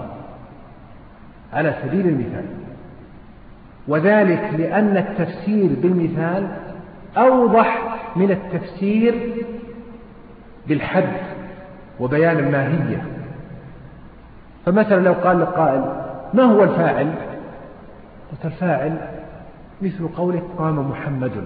محمد الفاعل. خلاص فهم الفاعل. بالمثال. لكن لو أردت أن تفسره بطريقة منطقية يصعب هذا فهمه. وهلم جرا فأقول إن غالب السلف كانوا يلجؤون في التفسير إلى توضيح المعنى بالمثال. مثال ذلك ثم أورثنا الكتاب الذين اصطفينا من عبادنا فمنهم ظالم لنفسه ومنهم مقتصد ومنهم سابق بالخيرات لم يبينوا من هو الظالم والمقتصد والسابق بالخيرات على سبيل الحد والتعريف وإنما ذكروا المثال. فقالوا الظالم لنفسه هو الذي يؤخر صلاة العصر إلى صغار الشمس والمقتصد هو الذي يؤخر صلاة العصر إلى آخر وقتها المختار والسابق بالخيرات هو الذي يصليها في أول وقت. مثال. وقالوا في باب النفقة السابق بالخيرات هو الذي يؤدي الزكاة ويتصدق. والمقتصد هو الذي يقتصر على الزكاة فقط. والظالم لنفسه هو الذي يقصر في أداء الزكاة. فهذه أمثلة لهذا هذا الأمر. ومثل تفسيرهم للباقيات الصالحات منهم من فسرها بأنواع من الأذكار ومنهم من فسرها بقيام الليل ومنهم من فسرها بالصلاة. ومنهم من فسرها بغير ذلك فكل هذه أمثلة للباقيات الصالحات. ومثل ذلك أيضا ثم لتسألن يومئذ عن النعيم. ما هو النعيم؟ قيل هي الأكل والشرب واللباس وغير ذلك من النعم. وقيل حواس الإنسان كالسمع والبصر والذوق واللمس وغيرها. وقيل النعيم الزوجة والولد ونحو ذلك. وقيل في النعيم تخفيف الشرائع. وقيل غير ذلك. فهذه كلها أمثلة على النعيم وليست حدا له وتعريفا به. النوع الثالث من اختلاف التنوع أن تختلف الألفاظ في التعبير عن المراد. مجرد اختلاف في الألفاظ. كما في قول تفسيرهم قول الله سبحانه وتعالى وقضى ربك ألا تعبدوا إلا إياه. قضى ألزم قضى حكم قضى شرع قضى أوجب قضى وصى كل واحد من المفسرين يذكر عبارة من هذه العبارات ببيان المراد فهذا لا يسع الناس سواه لأنه لا يمكن أن تجد كلمة مطابقة لكلمة.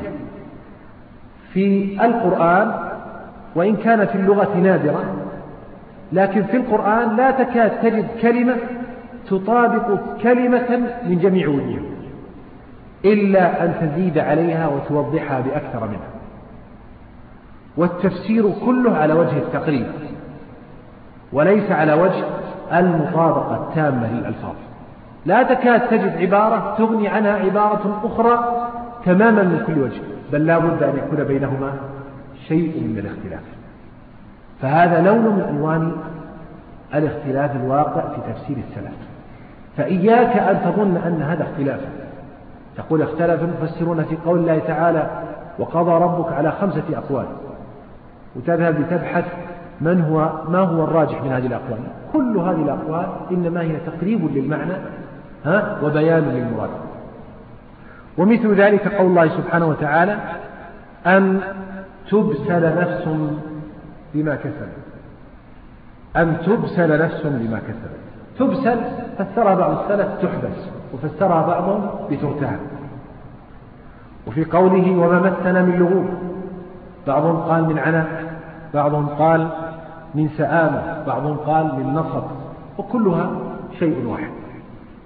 النوع الرابع من تفسير من أنواع اختلاف المفسرين أو من من أنواع اختلاف التنوع أن يكون اللفظ مشتركا في اللغة واللفظ المشترك في اللغة هو اللفظ الذي يصلح لمعنيين فأكثر أو جاء في اللغة للدلالة على معنيين فأكثر.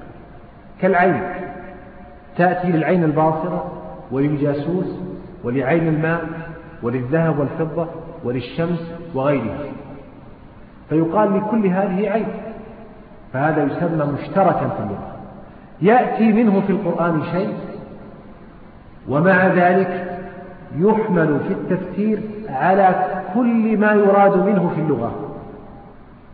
ويكون صحيحا تفسيره بهذا وبهذا. مثل قول الله سبحانه وتعالى فرت من قسورة. القسورة في اللغة تطلق على الأسد. وتطلق أيضا على الرامي. انظر إلى معنى الآية. فرت من قسورة كأنهم حمر مستنفرة.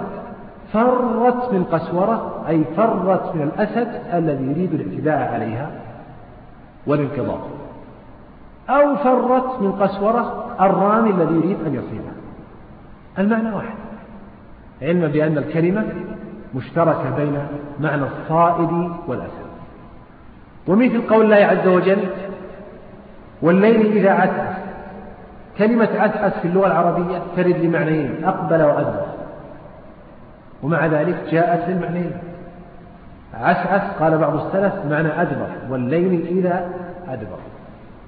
وقال بعضهم بل المقصود والليل إذا أقبل. ونقول إن المشترك يجوز حمله على كل معانيه إذا احتملت الآية ذلك. وهذا هو الصحيح الذي قرره الشيخ الشنقيطي رحمه الله في كتابه أضواء البيان وهو جواز حمل المشترك على كل معانيه إذا احتملت الآية ذلك. إذا احتملت الآية ذلك. وهذا مثال واضح لذلك. أما النوع الثالث من أنواع الاختلاف الوارد في التفسير فهو اختلاف التضاد وهذا قليل في التفسير وهو أن يكون القول بأحد القولين يمنع حمل الآية على القول الآخر. يعني القول بأحدهما يمنع القول بالآخر. إما أن تقول بهذا أو تقول بهذا. كما في قول الله سبحانه وتعالى وإن طلقتموهن من قبل أن تمسوهن فنصف ما فرضتم إلا أن يعفو أو يعفو الذي بيده عقدة النكاح. وإن طلقتموهن من قبل أن تمسوهن وقد فرضتم لهن فريضة فنصف ما فرضتم إلا أن يعفو أو يعفو الذي بيده عقدة النكاح. فمن هو الذي بيده عقدة النكاح؟ اختلف العلماء فيه على قولين. قول الأول إنه الزوج. قول الثاني أنه ولي المرأة. وهذان قولان متضادان لا يمكن أن تقول الآية محمولة على الاثنين. لأن أحدهما هو الذي بيده العفو. إما أن يكون ولي المرأة وإما أن يكون الزوج.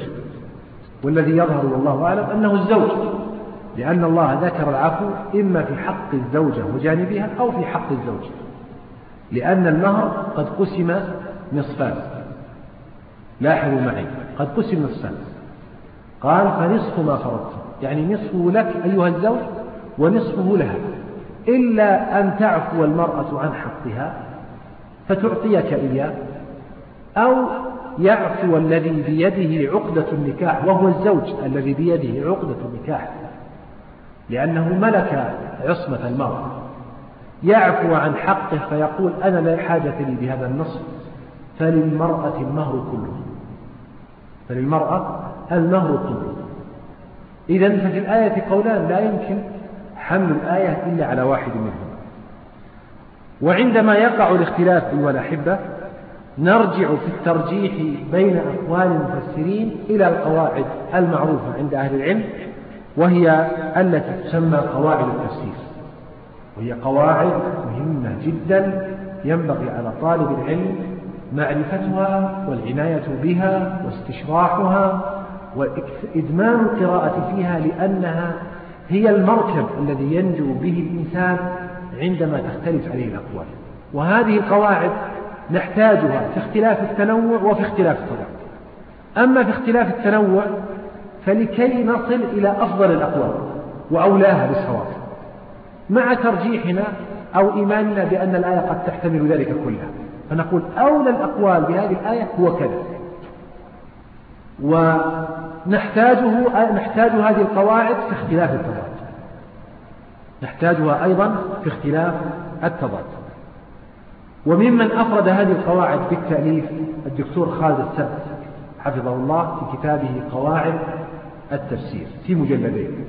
والدكتور أيضا آه، حسين الجيزاني الحربي آه، في كتابه قواعد الترجيح عند المفسرين وهو في مجلدين.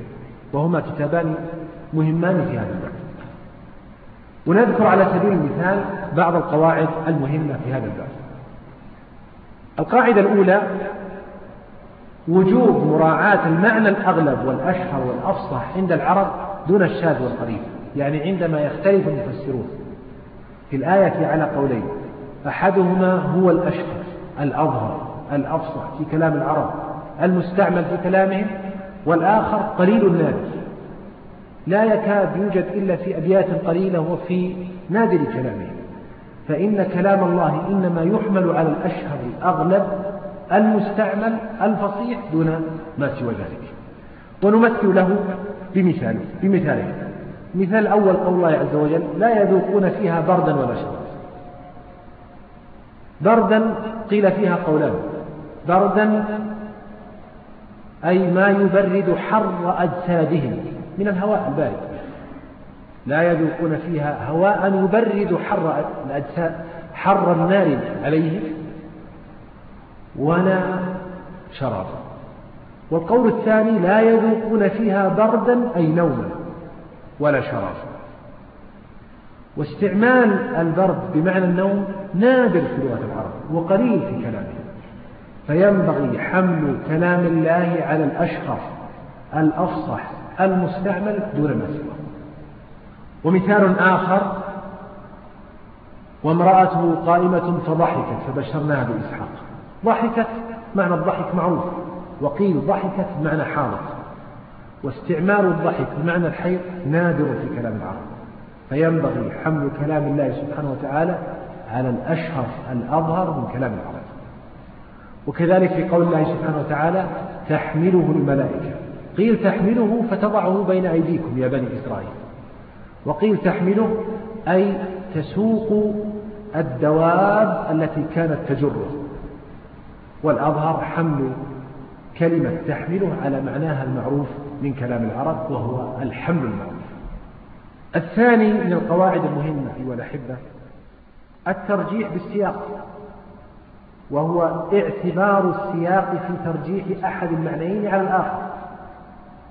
وهذه قاعدة مهمة جدا من قواعد التفسير. وقد ألفت فيها رسائل مستقلة وأفردت بالتصنيف وهي من أهم القواعد لأن السياق يحدد أحد المعاني المرادة. مثال ذلك في قول الله سبحانه وتعالى واتل عليهم نبأ ابني آدم بالحق إذ قربا قربانا. اختلف ابني آدم. هل هما ابن آدم لصلبه قابيل وهابيل أو هما رجلان من بني إسرائيل. فجمهور المفسرين بل عامتهم ولا يكادون يختلفون في هذا على أن المراد بهما ابن آدم. والقول الآخر قال به الحسن قال هما رجلان من بني إسرائيل. والسياق يرد على الحسن قوله. لماذا؟ لأن الله قال في سياق الآيات فبعث الله غرابا يبحث في الأرض ليريه كيف يواري. سوءة أخيه مما يدل على أن هذا القاتل لا يعرف كيف يدفن الميت. وهذا أولى أن يكون في ابني آدم الأولين اللذين لصلبه لا أن يكون من بني إسرائيل لأن بني إسرائيل يعرفون الدفن. فالسياق رجح أحد القولين. ومثله قول الله سبحانه وتعالى ثم السبيل يسر كما أسلفنا قبل قليل. ومثله أيضا يسقون من رحيق مختوم ختامه مسك. إيش معنى ختامه مسك؟ قيل ختامه مسك أي خاتمته ونهايته مسك. فإذا شرب الشارب من هذه الكأس التي نسأل الله سبحانه وتعالى أن لا يحرمنا إياها كان آخرها مسك يطوف عليه ويتلذذ به. وقيل ختامه مسك أي خلطه ومزجه ومزاجه مسك. أي ممزوج بالمسك. وقيل ختامه مسك أي مختوم عليه بخاتم ومطبوع عليه بطابع من المسك. فهذه ثلاثة أقوال يصح حمل الآية عليها. فهو مختوم عليه مثلا بالمسك ونهايته مسك وممزوج بالمسك. لكن السياق يحدد أحد هذه المعاني ويقول هو الأول. كيف؟ انظر إلى الآية. يسقون من رحيق مختوم ختامه مسك. وفي ذلك فليتنافس المتنافسون. ومزاجه من تسنيم. فالمزاج من التسنيم وليس من المسك. إذا ليس خلطه المسك. فبقي عندنا معنيان. المعنى الأول نهايته والمعنى الثاني الطابع الذي قد طبع عليه وختم عليه. فنقول بل المعنى نهايته. لماذا؟ لأن أهل الجنة يسقون من الأنهار مباشرة وليس عندهم معلبات. يسقون من الأنهار مباشرة يأخذونه من النهر طازجا فيشربونه. يأتي به الغلمان والولدان إليهم مباشرة. فالأظهر والله أعلم أن المراد ختامه أي خاتمته ونهايته على خلاف أشربة الدنيا. فإن أشربة الدنيا آخرها أسوأ ما فيها. انظر إلى الإنسان إذا شرب مثلا عصيرا أو شايا يشربه فإذا بقي منه بقية تركه. أما في الجنة إذا بقيت هذه البقية ها ذهب به جميعا إلى جوفه لشدة امتداده به نسأل الله أن لا يحرمنا عنه خير القاعدة الثالثة تحمل نصوص الكتاب على معهود الأميين في الخطاب. تحمل نصوص الكتاب على معهود الأميين في الخطاب. كيف ذلك؟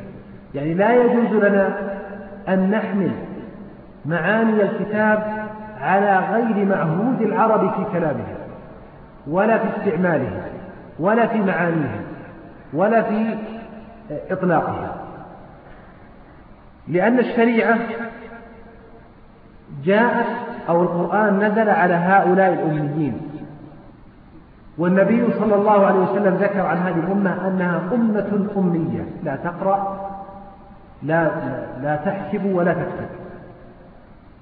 ولذلك من أراد أن يحمل معاني القرآن على معاني هندسية أو رموز وحسابات دقيقة أو معاني باطنية لا تفهم من الألفاظ كما فهمها العرب فإننا نقول كل هذا مردود على صاحبه ولا يجوز حمل القرآن عليه. ولذلك لما ذكر الله الفواكه مثلا ما ذكر إلا الفواكه التي تعرفها العرب. لما ذكر الأمم التي أبيدت ما ذكر إلا الأمم التي تعرفها العرب. لما ذكر الحيوانات ذكر الحيوانات التي تعرفها العرب ولما تعجب أو عجب قال أفلا ينظرون إلى الإبل كيف خلقت؟ انظروا يا إخواني ما قال إلى الفيل؟ لأن الإبل من الحيوانات المعروفة عند العرب التي يتعجب منها. مما يدلنا على أن القرآن إنما جاء متسقا مع أفهامهم مخاطبا إياهم فمن أراد حمله على شيء غير ذلك رددناه عليه. وعليه من أراد مثلا تفسير بعض الآيات بطريقة حساب الجمل قلنا له هذه طريقة غير صحيحة وليست معروفة عند العرب. من أراد مثلا أن يفسر قول الله سبحانه وتعالى أفلا فانكحوا ما طاب لكم من النساء مثنى وثلاث ورباع قال يحل للإنسان أن يتزوج تسع نساء لأنه قال مثنى وثلاث ورباع. قل لا هذا مخالف لطريقة العرب في الفهم.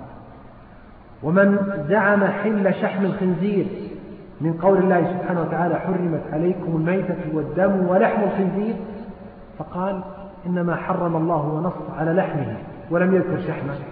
فنقول العربي البدوي في الصحراء يفهم أن الله إذا حرم لحمه فشحمه داخل فيه وأن الله إذا قال فلا تقل لهما أف أنه لا يجوز ضربهما من باب أولى.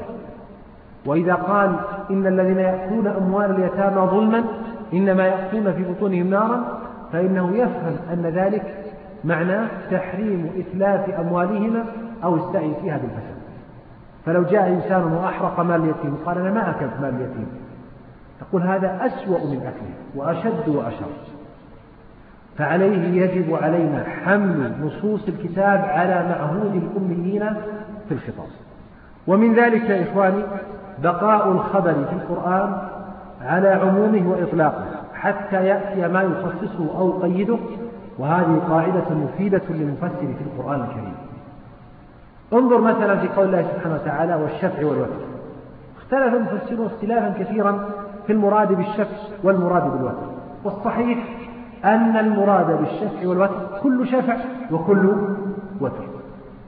كذلك قول الله تعالى والد وما ولد اختلف المفسرون في الوالد والذي ولد. والصحيح أنه قسم من الله بكل والد وبكل ولد.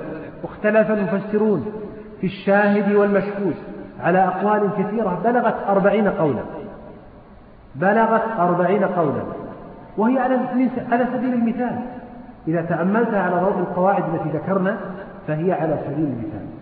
إذا فكل ما قيل فيه شاهد. قد أقسم الله به. وكل ما صح أن يكون مشهودا فقد أقسم الله به. فقوله وشاهد ومشهود قسم من الله بكل شاهد وبكل مشهود. ومن القواعد أيضا أنه إذا اختلف المعنى الشرعي والمعنى اللغوي فإن المقدم هو المعنى الشرعي. لماذا؟ لأن القرآن نزل لبيان الشرع لا لبيان اللغة. ولذلك مثلا في قول الله سبحانه وتعالى ولا تصلي على أحد منهم. ما معنى ولا تصلي على أحد منهم؟ أي لا تصلي صلاة الجنازة. ولا يجوز لنا أن نفسرها بقوله ولا تدعو لأن معنى الصلاة في اللغة الدعاء. بل نقول يجب حمل معاني القرآن على المعاني الشرعية ما لم تقم قرينة تصرفه عن ذلك. مثال قيام القرينة قول الله سبحانه وتعالى خذ من أموالهم صدقة تطهرهم وتزكيهم بها وصل عليهم إن صلاتك سكن لهم. يعني إذا جاءك يا محمد أحد بصدقته فصل عليه ما معنى الصلاة هنا؟ الدعاء لأن النبي فسرها بذلك. فكان إذا جاءه أحد من الصحابة بصدقته قال اللهم صل على آل فلان. قال عبد الله بن أبي أوفى فلما جاءه أبي بصدقته قال اللهم صل على آل أبي أوفى آه، بما أنه لم يبق من الوقت إلا قليل فأنا أنبه يعني إلى أمرين. أما الأمر الأول فإن الإخوة جزاهم الله خيرا يذكرون الصائمين بوجود إفطار لهم في هذا المسجد فجزاهم الله خيرا. وأما الأمر الثاني فهو أننا سنختصر فيما تبقى من هذه المحاضرة ونسأل الله سبحانه وتعالى التوفيق والإعانة. من القواعد المهمة التي ينبغي للإنسان معرفتها موافقة طريقة القرآن وعادته وعدم الخروج عنها في تأويل القرآن. بمعنى أنه إذا فسرت الآية على قولين أحدهما موافق لعادة القرآن في المعاني التي يطرقها ويتحدث عنها ويأتي بها والثاني غريب على ذلك فإننا نقدم المعنى الذي يأتي به القرآن ويقرره ونترك ما سواه. ونضرب لذلك مثالا في سورة الطارق في قول الله سبحانه وتعالى إنه على رجعه لقادر. إنه أي على رجعه لقادر. هذا حديث عن آه، بعد قوله خلق من ماء دافق يخرج من بين الصلب والترائب. إنه على رجعه لقادر. قال بعض المفسرين إنه على رجعه لقادر أي على رجع الإنسان يوم القيامة لقادر. فالله الذي خلقه أول مرة قادر على إعادته مرة أخرى. وهذا المعنى كما تعلمون كثير في القرآن ومقرر ومكرر. لماذا؟ لأن الله سبحانه وتعالى جاء به إلى قوم كانوا ينكرون البعث. فقرره في مواطن كثيرة وبأساليب متنوعة. قال بعض المفسرين إنه على رجعه لقادر أي إن الله على رجع الماء الدافق إلى الصلب لقادر. هذا الماء الدافق الذي خرج من الصلب يقدر الرب سبحانه وتعالى على إرجاعه إليه. فهذا معنى صحيح بمعنى أنه صحيح أن الله قادر على رجع الماء الدافق إلى الصلب. ولكنه ليس من المعاني التي جاء القرآن بها. فلا ينبغي حمل القرآن إلا على المعاني المعهودة المقررة فيه ومثله أيضا فلا أقسم مواقع النجوم. قيل مواقع النجوم أي آيات القرآن. ومواقعها نزولها شيئا فشيئا. وقيل المقصود بالنجوم هي نجوم السماء المعروفة. ومواقعها منازلها. وهذا هو المعهود فإن الله يقسم بالنجوم كثيرا والنجم إذا هوى. فلا أقسم بالخنس الجوار الكنس والليل إذا عسف إلى آخره. ومن القواعد أيضا حمل الكلام على التأسيس أولى من حمله على التأكيد بمعنى أنه إذا كان الكلام يحتمل أن نأتي بمعنى جديد أو يكون مؤكدا للكلام السابق فإن حمله على معنى جديد أولى ومثال ذلك قول الله سبحانه وتعالى من عمل صالحا من ذكر أو أنثى وهو مؤمن فلنحيينه حياة طيبة ولنجزينهم أجرهم بأحسن ما كانوا يعملون. قال بعضهم فلنحيينه حياة طيبة أي في الدنيا. وقال بعضهم فلنحيينه حياة طيبة أي في الجنة. وأي القولين أولى؟ القول الأول أولى. لماذا؟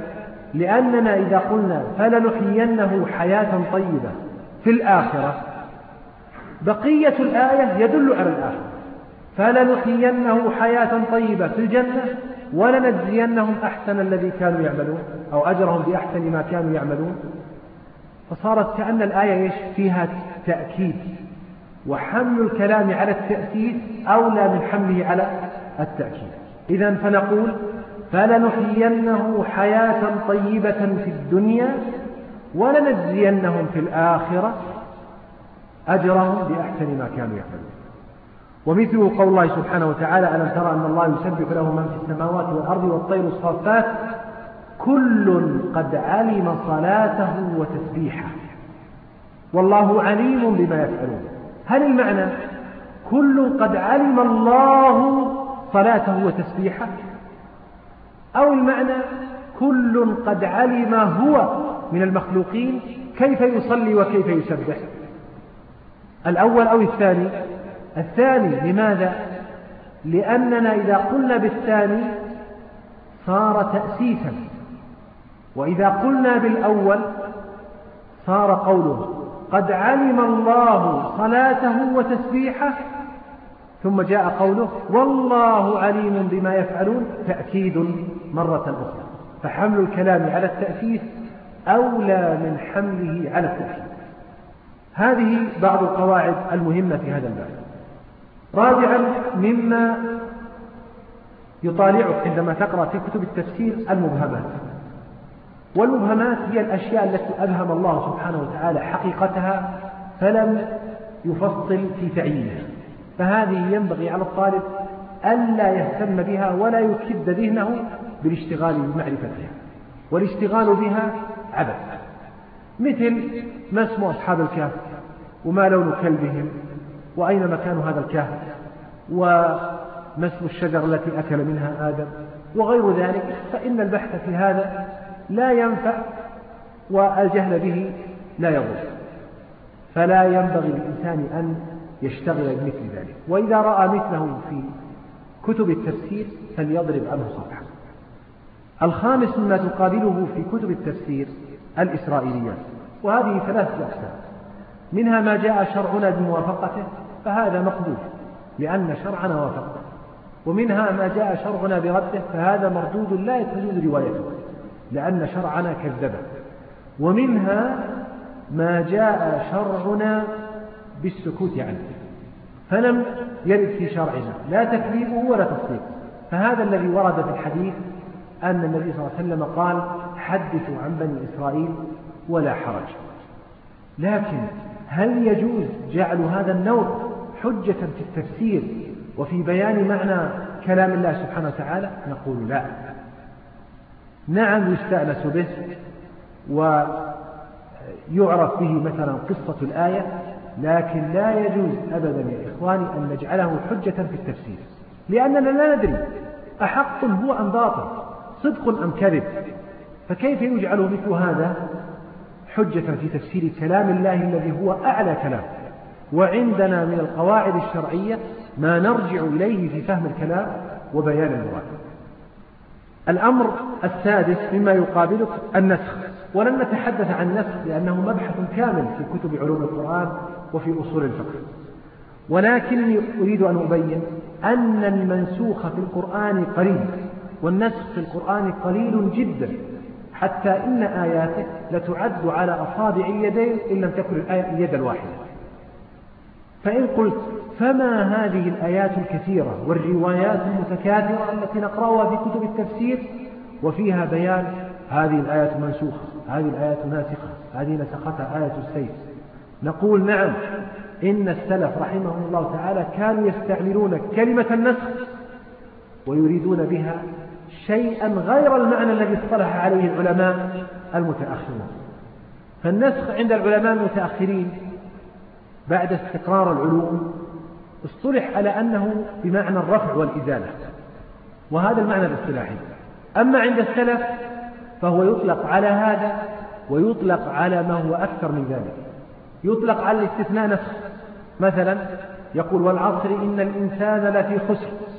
قال هذه الآية نسختها الآية التي بعدها وهي قوله إلا الذين آمنوا وعملوا الصالحات فجعل الاستثناء نسخا والشعراء يتبعهم الغاوون قال ابن عباس نسختها الآية التي بعدها وهي قوله إلا الذين آمنوا وعملوا الصالحات وذكروا الله كثيرا وانتصروا بعد ما ظلموا فهل هذا من قبيل النسخ الاصطلاحي؟ لا وإنما كان السلف يتوسعون في مصطلح النسخ فيطلقونه على الاستثناء والتخصيص وغير ذلك. فانتبه لهذا. أن تعد بعض أقوال المفسرين نسخا اعتبارا بالاصطلاح الذي حدث متأخرا. مثل لو إنسان وجد قول الله سبحانه وتعالى وجاءت سيارة.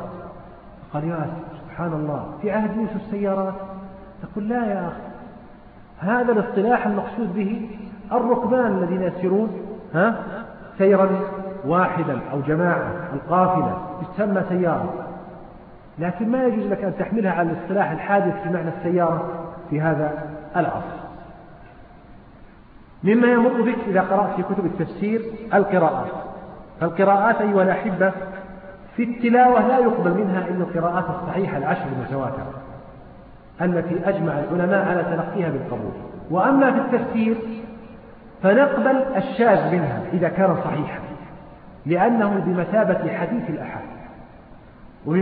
ومما يقبل منها على سبيل المثال قراءة مسعود في آية السرقة في آية حد السارق والسارق والسارقة فاقطعوا أيديهما جزاء بما كسب قرأها ابن مسعود فاقطعوا أيمانهما.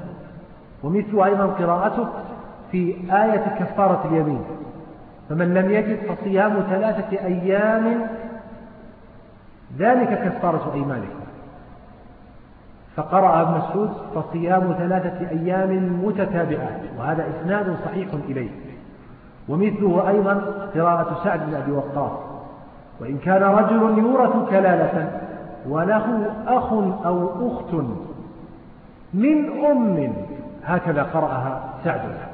فهذه قراءة لكنها ليست متواترة فلا يقرأ بها في القرآن لكن يؤخذ بها في التفسير لصحة أسانيدها. ثامنا الأسانيد وهذا بحث كامل في علوم القرآن وهي أسانيد التفسير. العلماء رحمهم الله تعالى لم يشددوا في أسانيد التفسير لأن غالبها متصل ببيان المعنى وإيضاحه والأمر في ذلك واسع فلم يشددوا في هذا الباب. لكن إذا جاءت الأحكام أو العقائد شددوا. ولذلك روي عن الإمام أحمد أنه قال ثلاثة كتب ليس لها أصل التفسير والملاحم والمغازي وذلك لكثرة الضعيف والموضوع فيها. وعليه فنحن لا نشدد في أساليب التفسير لكن في بعض المواطن نشدد. إذا كان التفسير لحكم أو لبيان حكم فإننا نشدد. يعني يبنى على الآية اعتقاد أو عمل نشدد في, في, في الإسناد. ونسأل عن الإسناد. هل هو صحيح أو ضعيف؟ وكذلك إذا روي عن المفسر قولان بسندين وهما متضادان فلكي نعرف القول الذي عليه ذلك الإمام نتحقق من السند. مثل ما روي عن ابن عباس في تفسير الكرسي في قوله وسع كرسيه السماوات والأرض فقد روي عنه تفسيرات. كرسيه موضع قدم الرب قدم الرب سبحانه وتعالى. هذا تفسير وهو الثابت عنه الصحيح. والقول الثاني وسع كرسيه الكرسي هو العلم. وهذا تفسير غير صحيح لأنه ورد من طريق واه ضعيف. والسياق يدل على تضعيف. لماذا؟ لأنه قال وسع كرسيه السماوات والأرض. ولا يؤوده حفظهما.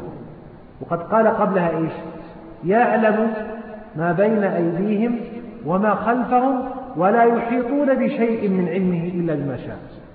فذكر العلم فلماذا يكرره مرة أخرى؟ وقد قلنا إن حمل الكلام على التأسيس أولى من حمله على التأكيد ثم هل علم الله وسع السماوات والأرض؟ الثابت في القرآن أنه وسع كل شيء رحمة وعلما فهذا هضم لحق علم الرب سبحانه وتعالى أن يقال وسع علمه السماوات والأرض. تاسعا مما يقابلك الأحكام. ينبغي الإنسان أن يتعرف على مذهب المؤلف الفقهي. فقد يكون شافعيا أو حنفيا أو مالكيا أو حنبليا. فإذا عرف مذهبه علم كيف يفسر الآيات ويؤول آه، المعاني خصوصا الفقهية. وإذا عرف ذلك عرف أن هذا هو دليل الحنابلة أو الشافعية أو المالكية فسهل عليه الأمر. وعرف مأخذ قولهم ورجع إلى أقوال الآخرين. ولم يقل تفسير الآية هو كذا وكذا. فنقول له ليس هذا تفسير الآية بل هذا هو قول الحنابلة في الآية وعليه حملوا هذه الآية. مثل قول الله سبحانه وتعالى أو لامستم النساء. يحملها بعضهم على اللمس المعروف وبعضهم يح وبعض العلماء وهو الثابت عن العباس يحمل لامستم على معنى الجماع. وهذا تجد المفسرين يختلفون في ترجيحه على حسب اختلاف مذاهبهم فعلى من يقرأ في كتب التفسير أن ينظر. ثم إني أنبه أيها الأحبة إذا أردت أن تبحث في تفسير آية أو قصة في القرآن أو معنى لفظة فإياك أن تبحث في الآية التي يطرأ تطرأ على بالك. وإنما اذهب في بحثها إلى أول موضع وردت فيه تلك القصة أو تلك اللفظة أو ذلك الحكم. لأن من عادة المفسرين أنهم يذكرون التفصيل والاستيعاب في هذه القضايا عند أول موطن تذكر فيه. يعني لو أردت قصة موسى عليه الصلاة والسلام مثلا مع السحرة ما تذهب إليها مثلا في سورة الشعراء إنما تجدها وين؟ في سورة الأعراف. لو أردت قصة موسى عليه الصلاة والسلام في الاستسقاء عندما استسقى لبني إسرائيل. ما تذهب إليها في سورة الأعراف وإنما تذهب إليها في سورة البقرة. عندما تريد أن تعرف قصة إبراهيم في بناء البيت تذهب إليها في سورة البقرة ولا تذهب إليها في سورة إبراهيم. وهكذا في العبارات. يأتي الطالب أحيانا ويقول قرأت في التفسير معنى هذه الكلمة فلم يشير إليها بشيء. فنقول انظر إليها في أول موطن وردت فيه فإنهم يذكرون معانيها ودلالاتها ويتوسعون في ذلك. الحقيقة أن الكلام طويل جدا ويحتاج منا إلى بسط أكثر مما ذكرنا. ولا أدري هل وفقت إلى أن أعطيكم النبذة الصحيحة في كيف يفسر الإنسان آية من كتاب الله أو أخفقت في ذلك. لكني اجتهدت وأسأل الله سبحانه وتعالى أن يوفقني وإياكم لبلوغ الصواب وأن يجعلنا الله سبحانه وتعالى ممن يرى الحق حقا ويرزقه اتباعه ويرى الباطل باطلا ويرزقه اجتنابه وصلى الله وسلم وبارك على جزى الله فضيلة الشيخ خير الجزاء وجعلنا الله وإياكم ممن يستمعون القول فيتبعون أحسنه وتقبلوا تحيات إخوانكم في تسجيلات الراية الإسلامية بالرياض والسلام عليكم ورحمة الله وبركاته.